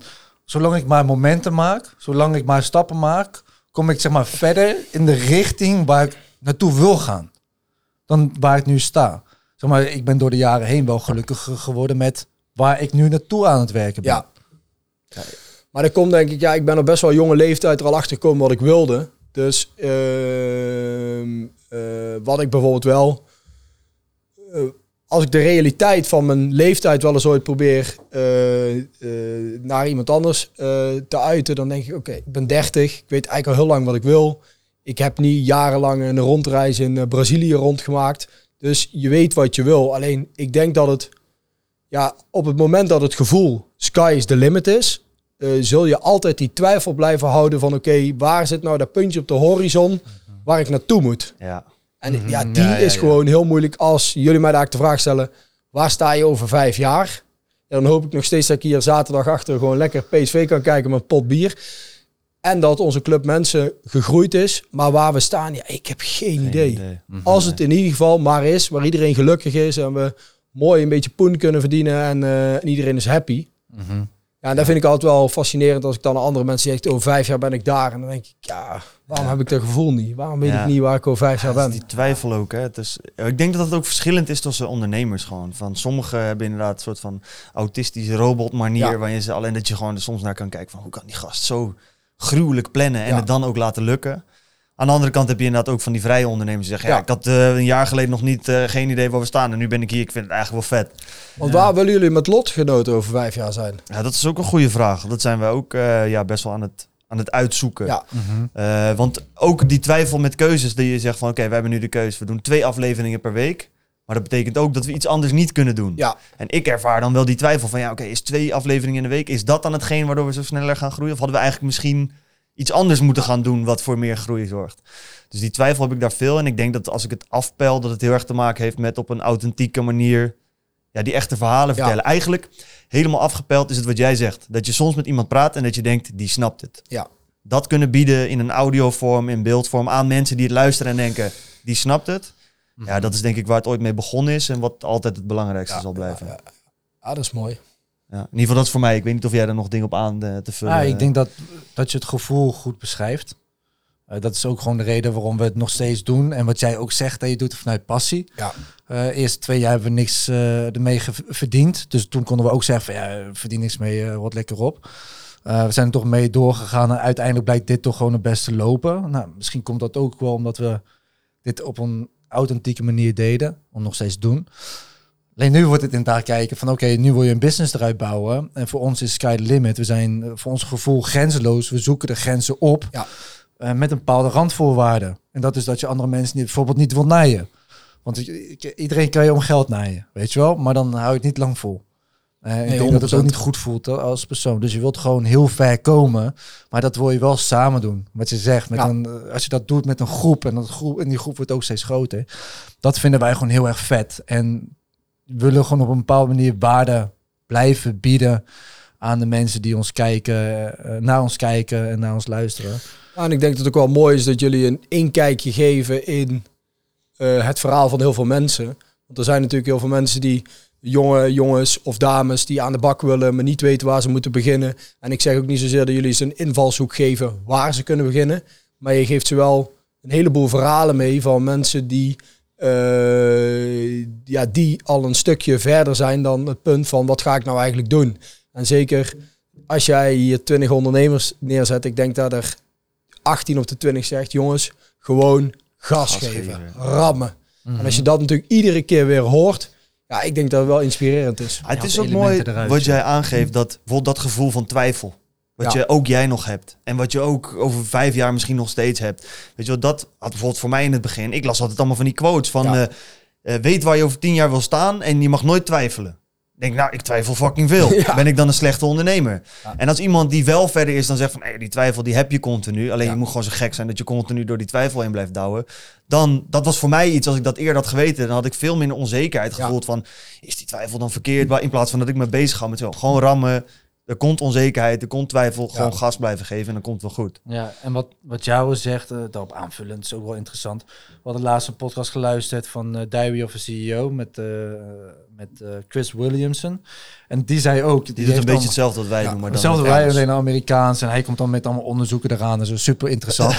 vind ik tenminste. En hij zei ook van eh, mensen worden niet alleen gedreven door succes. Dus je wilt een bepaald ding halen. Ja. Maar je wordt ook gedreven door angst. Dus er kan iets misgaan. Er kan Ja, iets tuurlijk. misgaan. Dan ga je hard lopen. En bijvoorbeeld voor mij is het van ja, ik, ik had vroeger inderdaad het gevoel dat ik ongelukkig was. Of dat ik vast zat ergens in en dat ik geen kant op kon. Omdat ik niet de skills had om met mensen makkelijk te communiceren of geen vrij gevoel had. Ja, Dus dat is daar- aardig, aardig opgedroogd hoor, het communiceren. Precies, Ja. maar dat is ook wel iets zeg maar van, dat is een angst. Ja. En daar vlucht je eigenlijk ook voor weg. Ja, Dus dat motiveert je ook weer van ja, je wilt nooit daar teruggaan. En ik denk dat dat, zeg maar die combinatie, wat je zeggen, die twijfel, dat merk ik ook wel eens bij Jaro. Bij de, door die twijfel gaat hij nog vijf keer zo hard rennen. Snap je? Hij twijfelt ergens over. Dat zorgt ervoor dat hij zondag, eh, wanneer eh, om, om 12 uur heeft hij net geluncht, van 12 eh, tot 3 in één keer impulsief gaat werken aan iets wat echt opgelost moet worden. Ja. En ik denk dat dat ook met evenementen ook echt een kracht kan zijn, toch? Ja, nee, zeker. zeker. Ik denk dat het grootste twijfelmoment voor mijzelf... en daar, eh, daar stond eh, Peter en Joop anders in... was het moment dat we echt besloten om het pand te gingen kopen. Mhm. Ja, ik denk, jongens, ik woon hier in Eindhoven, twee hoog in mijn appartementje. Ik heb alles behalve te klagen, begrijp me niet verkeerd. Alleen ik denk wel, ja, ga ik nu echt alle budgetten die we beschikbaar hebben in dit pand stoppen? En die mannen die hebben eigenlijk gezegd, Lois, twijfelen mag altijd. Maar over twintig jaar, dan denk jij terug aan dit moment en dan denk jij, wat ben ik blij dat wij dit gedaan hebben. Dat is natuurlijk ook een beetje het samen ondernemen. Jullie stellen de vraag, zou je ooit alleen willen ondernemen? Nee, dat zou ik nooit willen. Zeker omdat het gewoon, ja, ik ben ook te twijfelachtig. Moet ik dit nou wel doen? Moet ik dit nou niet doen? Is dit nu wel verstandig? Is dit nu de juiste stap? Is die persoon op de juiste plek? En dan zegt die man, nee man, jong, komt helemaal goed. Dan gaan we fixen op die manier. Alleen ik denk wel dat op het moment dat je nooit geen twijfel hebt, denk ik dat je te arrogant bent in hetgeen wat je doet. Want dan denk je dat je de keuze die jij maakt altijd goed is. En ik vind het heel mooi als iemand anders tegen mij kan zeggen, Lois, klopt niet wat je gedaan hebt. Dat je dan zegt, oh ja, ja. En dan twijfel je dus toch eigenlijk aan je eigen Ja. verhaal. Ja, Mhm. ja. Kan best wel eens een goede raadgever zijn, twijfel. Want ergens denk weet ik je wel. soms ook gewoon van, ja, misschien heb ik er gewoon nog niet goed genoeg over nagedacht. Nee. Ik heb dat ook wel eens, dat iemand dan of achteraf bijvoorbeeld iets zegt. En dan denk ik, oh ja, ja nu, nu je het zegt, denk ik, ja, dat was inderdaad niet logisch. Dus die twijfel kwam ook wel ergens eh, uit voort. Was dat dat gevoel hè, van ehm, dat iemand je begrijpt en dat je op hetzelfde level zit? Was dat ook wat jou en Thijs connecten in die tijd? Ehm, ja, vooral denk ik gewoon de, de, de drive en de passie destijds. Ehm, ik denk nu, eh, als wij hier eh, voetballen kijken en hij zit hier een paar boksen verderop, dan is het altijd na de wedstrijd even een biertje doen en bijkletsen. En heel vaak ga ik tijdens de wedstrijd die kant op, omdat we, we spelen nu niet zo heel goed. Dus dan ga ik altijd die kant op. En dan, het is gewoon, ja, het is gewoon, naast dat we natuurlijk gewoon vrienden zijn, is het gewoon op een, ja, je, je, je connect op een, op een goede manier. En die connectie die voel je ook niet zo vaak. En dat was natuurlijk tien jaar geleden met z'n tweeën in de trein naar Tilburg, toen we eigenlijk nobody waren, eh, was dat er al. En dat is nu eh, nog steeds. En ik denk dat dat wel heel uniek maakt, omdat wij echt gewoon hand in hand dezelfde problemen en angsten hebben overwonnen tot waar we nu zijn. Ja. Dat is wel, eh, is wel echt gaaf om te zien. Ja, mooi man. Ja. Hadden jullie dan ook na die eerste samenwerking op Wish of zo, dat je een soort van besefmoment of zo, dat, dat je daar samen staat en denkt, wat de fuck gek, wat, wat doen wij hier nou? Nee, hij klaagde vooral over dat hij niet overal in kon. Dus of ik nog even een artistbandje voor hem wilde regelen. Nee, achteraf was wel, eh, vond ik wel heel mooi om te horen. Hij eh, had natuurlijk op meerdere festivals gestaan. En hij zei, Lois, eh, hij heeft nog een mailtje gestuurd volgens mij naar een paar mensen, de brandmanager van ons. En van echt, ik heb nog een paar festivals gedaan. Die was by far het beste geregeld. Echt dank voor alles. Eh, ons merk is fantastisch geladen. En dan denk je wel, dan eh, ben je van de ene kant vrienden. Heb je aan de andere kant eigenlijk, eh, plat gezegd, een beetje geld afgetroggeld van je maat. Want hij moest zichtbaar zijn op je festival. Ja. En dan krijg je zo'n compliment. En dan denk je wel van ja, dan is wel de cirkel eens rond. Ja, Ja. ja. ja, En ook gewoon dankbaarheid. En dat is voor heel veel mensen ook wel zoiets moeilijk. Spreek maar eens wat meer dankbaarheid naar elkaar uit. Ja, ja. Vind je dat lastig? Eh, nee, ik vind het persoonlijk niet zo lastig. Maar ik zou wel... Ik, ik vind het mooi als mensen gewoon tegen elkaar zeggen... Yo, dankjewel man. Fijn dat je dit voor mij geregeld hebt. Maar er zijn zo weinig mensen die dat kunnen. Of die zeggen van ja, het was... Ja, ik, het is misschien ook wel meer Brabants. Wij Ja. ma- maken nu ook wel meer mee van de rest van Nederland. Alleen hier in Brabant zijn we gewoon lekker plat. En gewoon bedankt en thanks. En eh, weinig eh, messen aan de achterkant. En Hoe komt dat? Want dat ervaar ik ook wel. Hè. Ik spreek steeds meer mensen uit Brabant. En het is echt een ander slag mensen dan de Randstad. Hoe kan dat? Ja, ik durf het niet te zeggen. Ik denk dat, eh, dat als iemand in Brabant zo'n woord geeft, dan geeft hij ook zo'n woord. En je merkt wel gewoon dat. eh, en ik denk dat wij gewoon, dat is misschien een eh, iets minder positief over een Brabant. Wij zijn gewoon niet zo vlug. Nee. Wij zijn gewoon niet zo vlugge mensen. En wat, wat ik daarmee bedoel te zeggen is, je geeft je handdruk. En vijf minuten later kan diegene zeggen, fuck man, ik kan hier om de hoek nog, eh, nog twee keer zoveel pakken. Ja. Maar dan zegt een Brabant gewoon, ja shit man, ik heb al ja gezegd. Dus eh, het duurt twee jaar, ben ik van het contract af en dan kom ik wel lullen. Ja, ja, Terwijl dat dat, ja ik denk dat dat het verschil is. Ja, ja. Je houdt je aan je afspraken, ongeacht. ja man, een man, een woord, een woord. Ja, Ja, ik vind dat altijd wel mooi. Werkt ook fijn, denk ik. Toch? In ieder geval, als je gewoon weet Nee, wat, zeker. iemand zegt ook is wat hij doet. Dat zeker, werkt zeker. En nee, natuurlijk, hè, eh, ik denk wel als je een connectie met elkaar hebt, dan is het anders. Alleen, ehm, eh, je ziet gewoon wel van, als ik ook kijk, eh, onlangs is een brand partnership manager bij ons begonnen. En die zegt, Lois, staat hier ook nog ergens iets op papier? ik zeg, ja, ik heb altijd een Word documentje, schrijf ik de afspraken. Er staat er ook een handtekening onder. Ik zeg, ja, bij bepaalde wel en bij sommige niet. Ik zeg, ja, waarom dan niet? Ik zeg, ja, dat gaat tot tien jaar goed. Ik zeg, lekker zo laten. Nee, ik begin toch maar een keer aan contracten. Ja, En dat ja. is dan wel vaak de partij die heel dichtbij staan. Ja, hoe gek het ook klinkt, wel vaak zuidelijkere partijen. Ja, Mhm. ja. Mooi is dat. mooi man. Zou je een goede samenwerking kunnen hebben met een kledingmerk, eh, bijvoorbeeld uit de Randstad? Want je hebt natuurlijk uit Amsterdam ook tig kledingmerken die Ja, ik denk opkomen. het wel. Dat, Het staat alleen minder dicht bij je. ja. Dus ehm, eh, ik vind het naast dat het mijn werk is, persoonlijk ook mooi als eh Thijs op een hele goede manier met Mill Lions geactiveerd is. ja. Dus ik zal er ook alles aan doen om dat goed te krijgen. Om beter te krijgen dan dat we eigenlijk hadden afgesproken. En eh, bij een ander kledingmerk of een andere brand waarbij je minder persoonlijk betrokken bent, is dat toch anders. Ja. Hoe, ehm, stel je kijkt, eh, weet ik veel, drie jaar vooruit hè, met Mail Lions. Van, hebben jullie het er ook over van, goh, waar zouden we dit heen kunnen bouwen? Of zijn jullie vooral bezig met, van, wat is nu de stap die we samen sterk kunnen zetten? Ehm, ik denk dat vooral eh, het bedrijf van Thijs en ons bedrijf eh, nu die stappen aan het zetten zijn. Wij waren altijd, we keken altijd wat ligt er nu voor ons en wat kunnen we nu voor elkaar betekenen. En omdat je ziet dat eh, zowel aan zijn kant als aan onze kant er meer mensen op bepaalde functies komen die vooruit willen werken. Dat die gewoon zeggen, hey jongens, laten we eens een tweejarige deal maken. En wij elkaar aankijken en denken, ah, dat scheelt weer een gesprek. Top, Ja, moeten ja, we doen. ja, ja. Dus je bent wel steeds verder vooruit aan het kijken. Maar dat heeft er denk ik ook mee te maken, die groei van ons en van Thijs, die ehm, was anders dan dat op papier stond. Ja. Dus je hadden, we hadden doelstellingen, maar die doelstellingen die haalden we steeds. En eroverheen en eroverheen en eroverheen. Dus je bent continu waar we aan het bijschaven. En ik denk wel, daar ben ik wel heel trots op hoe hij het gedaan heeft. Het label is nu zo nationaal bekend, dat hij gewoon eh, veel verder vooruit kan denken dan Ja, Ja. wat we altijd gedaan hebben. ja. Denk je daarin... eh, ik had een quote van eh, Richard Branson, had ik gehoord. En die zei dan van, eh, luister, je moet gewoon zorgen als CEO dat jouw visie crystal clear is. En dat jij de juiste mensen kan aannemen Ja. op die posities om dat uit te voeren. Maar dat je echt topmensen gaat aannemen. Ehm, toch zie ik bijvoorbeeld met evenementen dat het heel moeilijk is om vijf jaar vooruit te kijken, wat je net ook al zei. Wat is dan die obstakel om zo ver vooruit te kunnen kijken? Ja, ik denk dat het na een tijdje ook wel een beetje ehm, realiteit wordt. Je weet gewoon dat ieder jaar anders is. En je weet dat er ieder jaar gebeurt wel iets. Dan heb je de inflatie, dan heb je corona. Dan is het een jaar waar het mega warm is. Dan heb je een jaar waar het alleen maar regent. Dus ik denk dat je overal een beetje een lijn moet trekken van... oké, dit is een beetje hetgeen wat er kan gaan gebeuren. Ja, daar maak je gewoon een vijfjarenplan op. Alleen, het is net zo goed wat jullie zeggen. Je kunt eh, in een bepaald label of een bepaald festival wat we willen gaan laden, keihard investeren. Maar als dat festival nou daadwerkelijk echt ieder jaar pech heeft, ja, dan kun je nog zo'n mooie plannen voor vijf jaar vooruit maken. Maar dan, ehm, ja, dan is het gewoon niet gelukt. En heeft het dan aan jezelf gelegen? Ja, weet ik niet. Nee. Misschien een andere datum moeten kiezen, maar je kunt het weer kunnen wij Ja. niet bepalen. Is het wel eens irritant dat je dan in Nederland zit? Want ik zou denken Spanje of zo. Heb je gewoon veel voorspelbaar weer. Nou, wat ik wel vooral heel irritant vond, is dat eh, ik tegen mijn moeder zei, ik zei, had je mij niet gewoon 20 jaar eerder kunnen maken? Toen helemaal de opstart van evenementen was, toen nog Ja, niet, toen het nog niet zo booming was als nu. Daar heb ik al heel vaak gezegd. Ik zeg, waarom hebben wij in moeten stappen toen eigenlijk echt ja, de kaas of de, de taart al, eh, al verdeeld was. Nou, natuurlijk met veel wurmen i- is het dan uiteindelijk gelukt.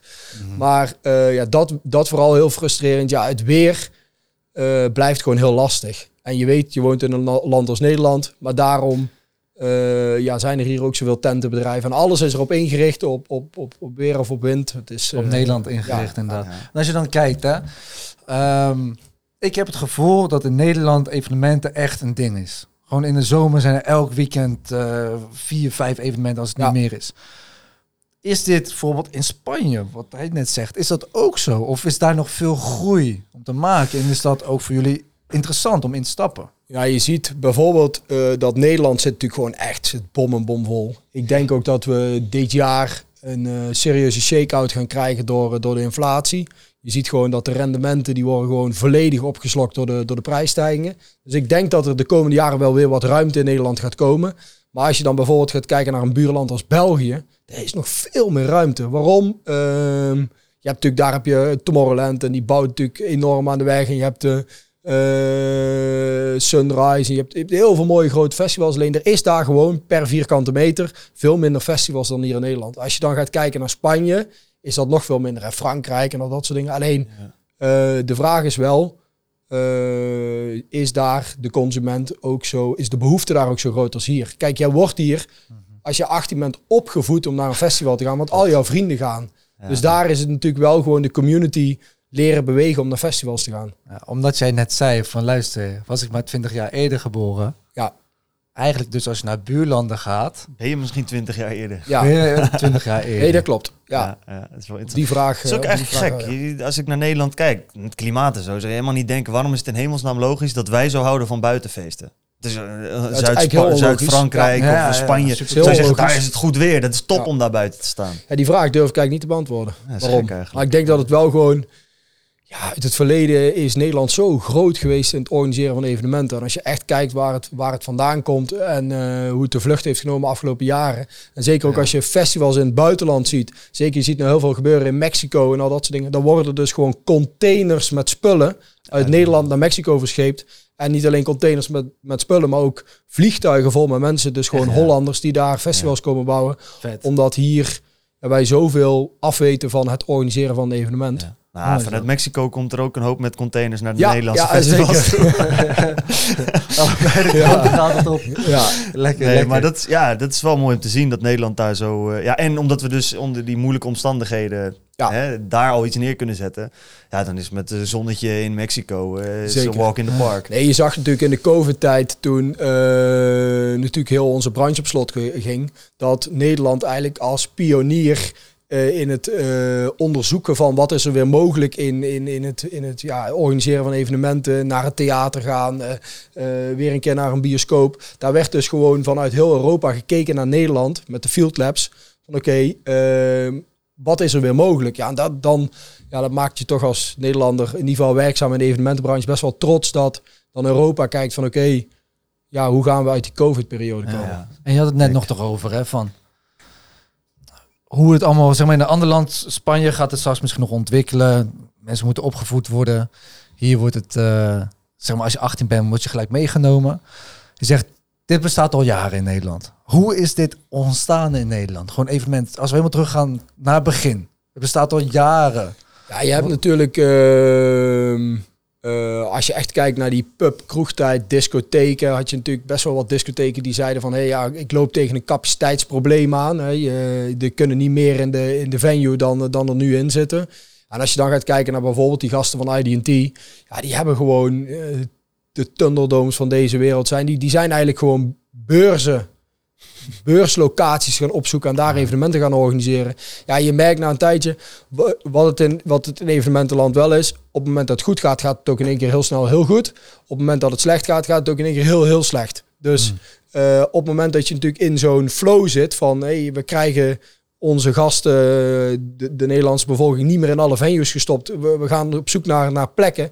Ja, dan ga je natuurlijk op zoek naar gewoon ruimte. En zo zijn ze terechtgekomen in de jaarbeurs en overal. En ja, ik denk dat Nederlands publiek gewoon sowieso zijn wij natuurlijk redelijk Bourgondisch. Dus wij houden gewoon wel van een feestje en van, eh, van een hapje en een drankje. Ja, en ik denk dat dat een beetje hand in hand is gegaan met, eh, ja, met festivals. Is het dan ook zo dat festivalbedrijven of evenementenorganisaties dan ook veel kapitaal aanhouden? Zodat je dus ook klappen kunt opvangen? Ja. Ja, ja, ja dat kan ik me wel voorstellen.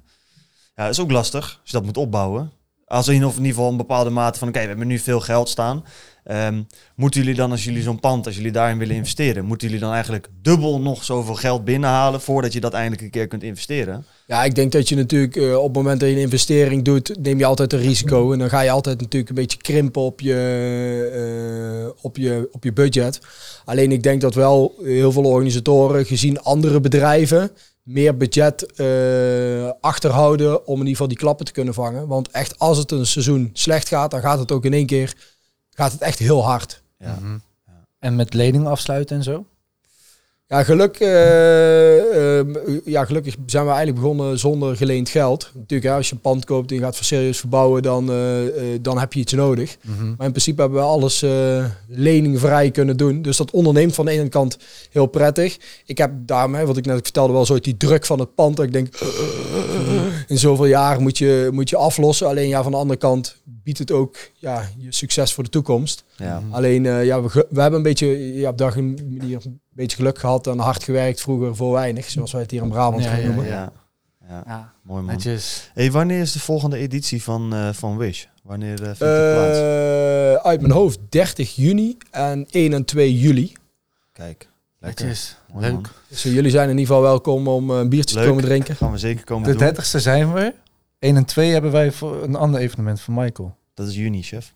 Dus ja, wat zei jij dan? Juli. 30 juni en 1 en 2 juli. Oh, juli. Ik Even uit mijn hoofd, maar ja. het is een... ja, eh, ja. is goed. Nou, wij zijn aan bezig. Leuk. Ja, Leuk. yes, ja, ja, dat, dat lijkt me ook Top, top. Lijkt me jongens. top. Ja. Verder eh, gaan we ook samen met Mayon Lions gaan we twee tickets weggeven. Ja. Dus eh, iedereen die dat tof lijkt, dan doen ze er gelijk een outfitje bij. Dus dan kan je helemaal fris eh, op het evenement eh, naar de Lions stage toe.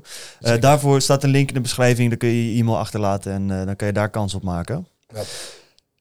Voor mij, eh, ik ben eigenlijk door mijn vragen heen. Ja, ik kan nog uren eh, dingen blijven vragen, maar eh, ik weet ook, je bent een druk man, dus op een gegeven moment moet je weer verder. Heb jij nog dingen die eh aan Nee, ik, heb, ik denk dat we een aardig compleet beeld hebben Wel, van de schaatsen. Ja. Wel Ja. leuk, want jij bent zo ver. Ik mij kan herinneren wel de eerste persoon die echt alleen maar evenementen organiseert en Ja, daar echt een zeker. bedrijf op hebt gebouwd. Ja, dus dat is wel zeker. leuk.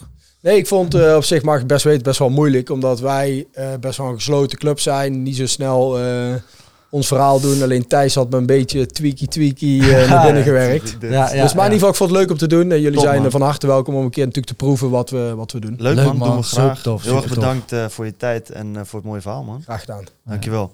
Dankjewel voor het kijken. Vergeet niet te abonneren en tot de volgende keer. Ciao. ciao.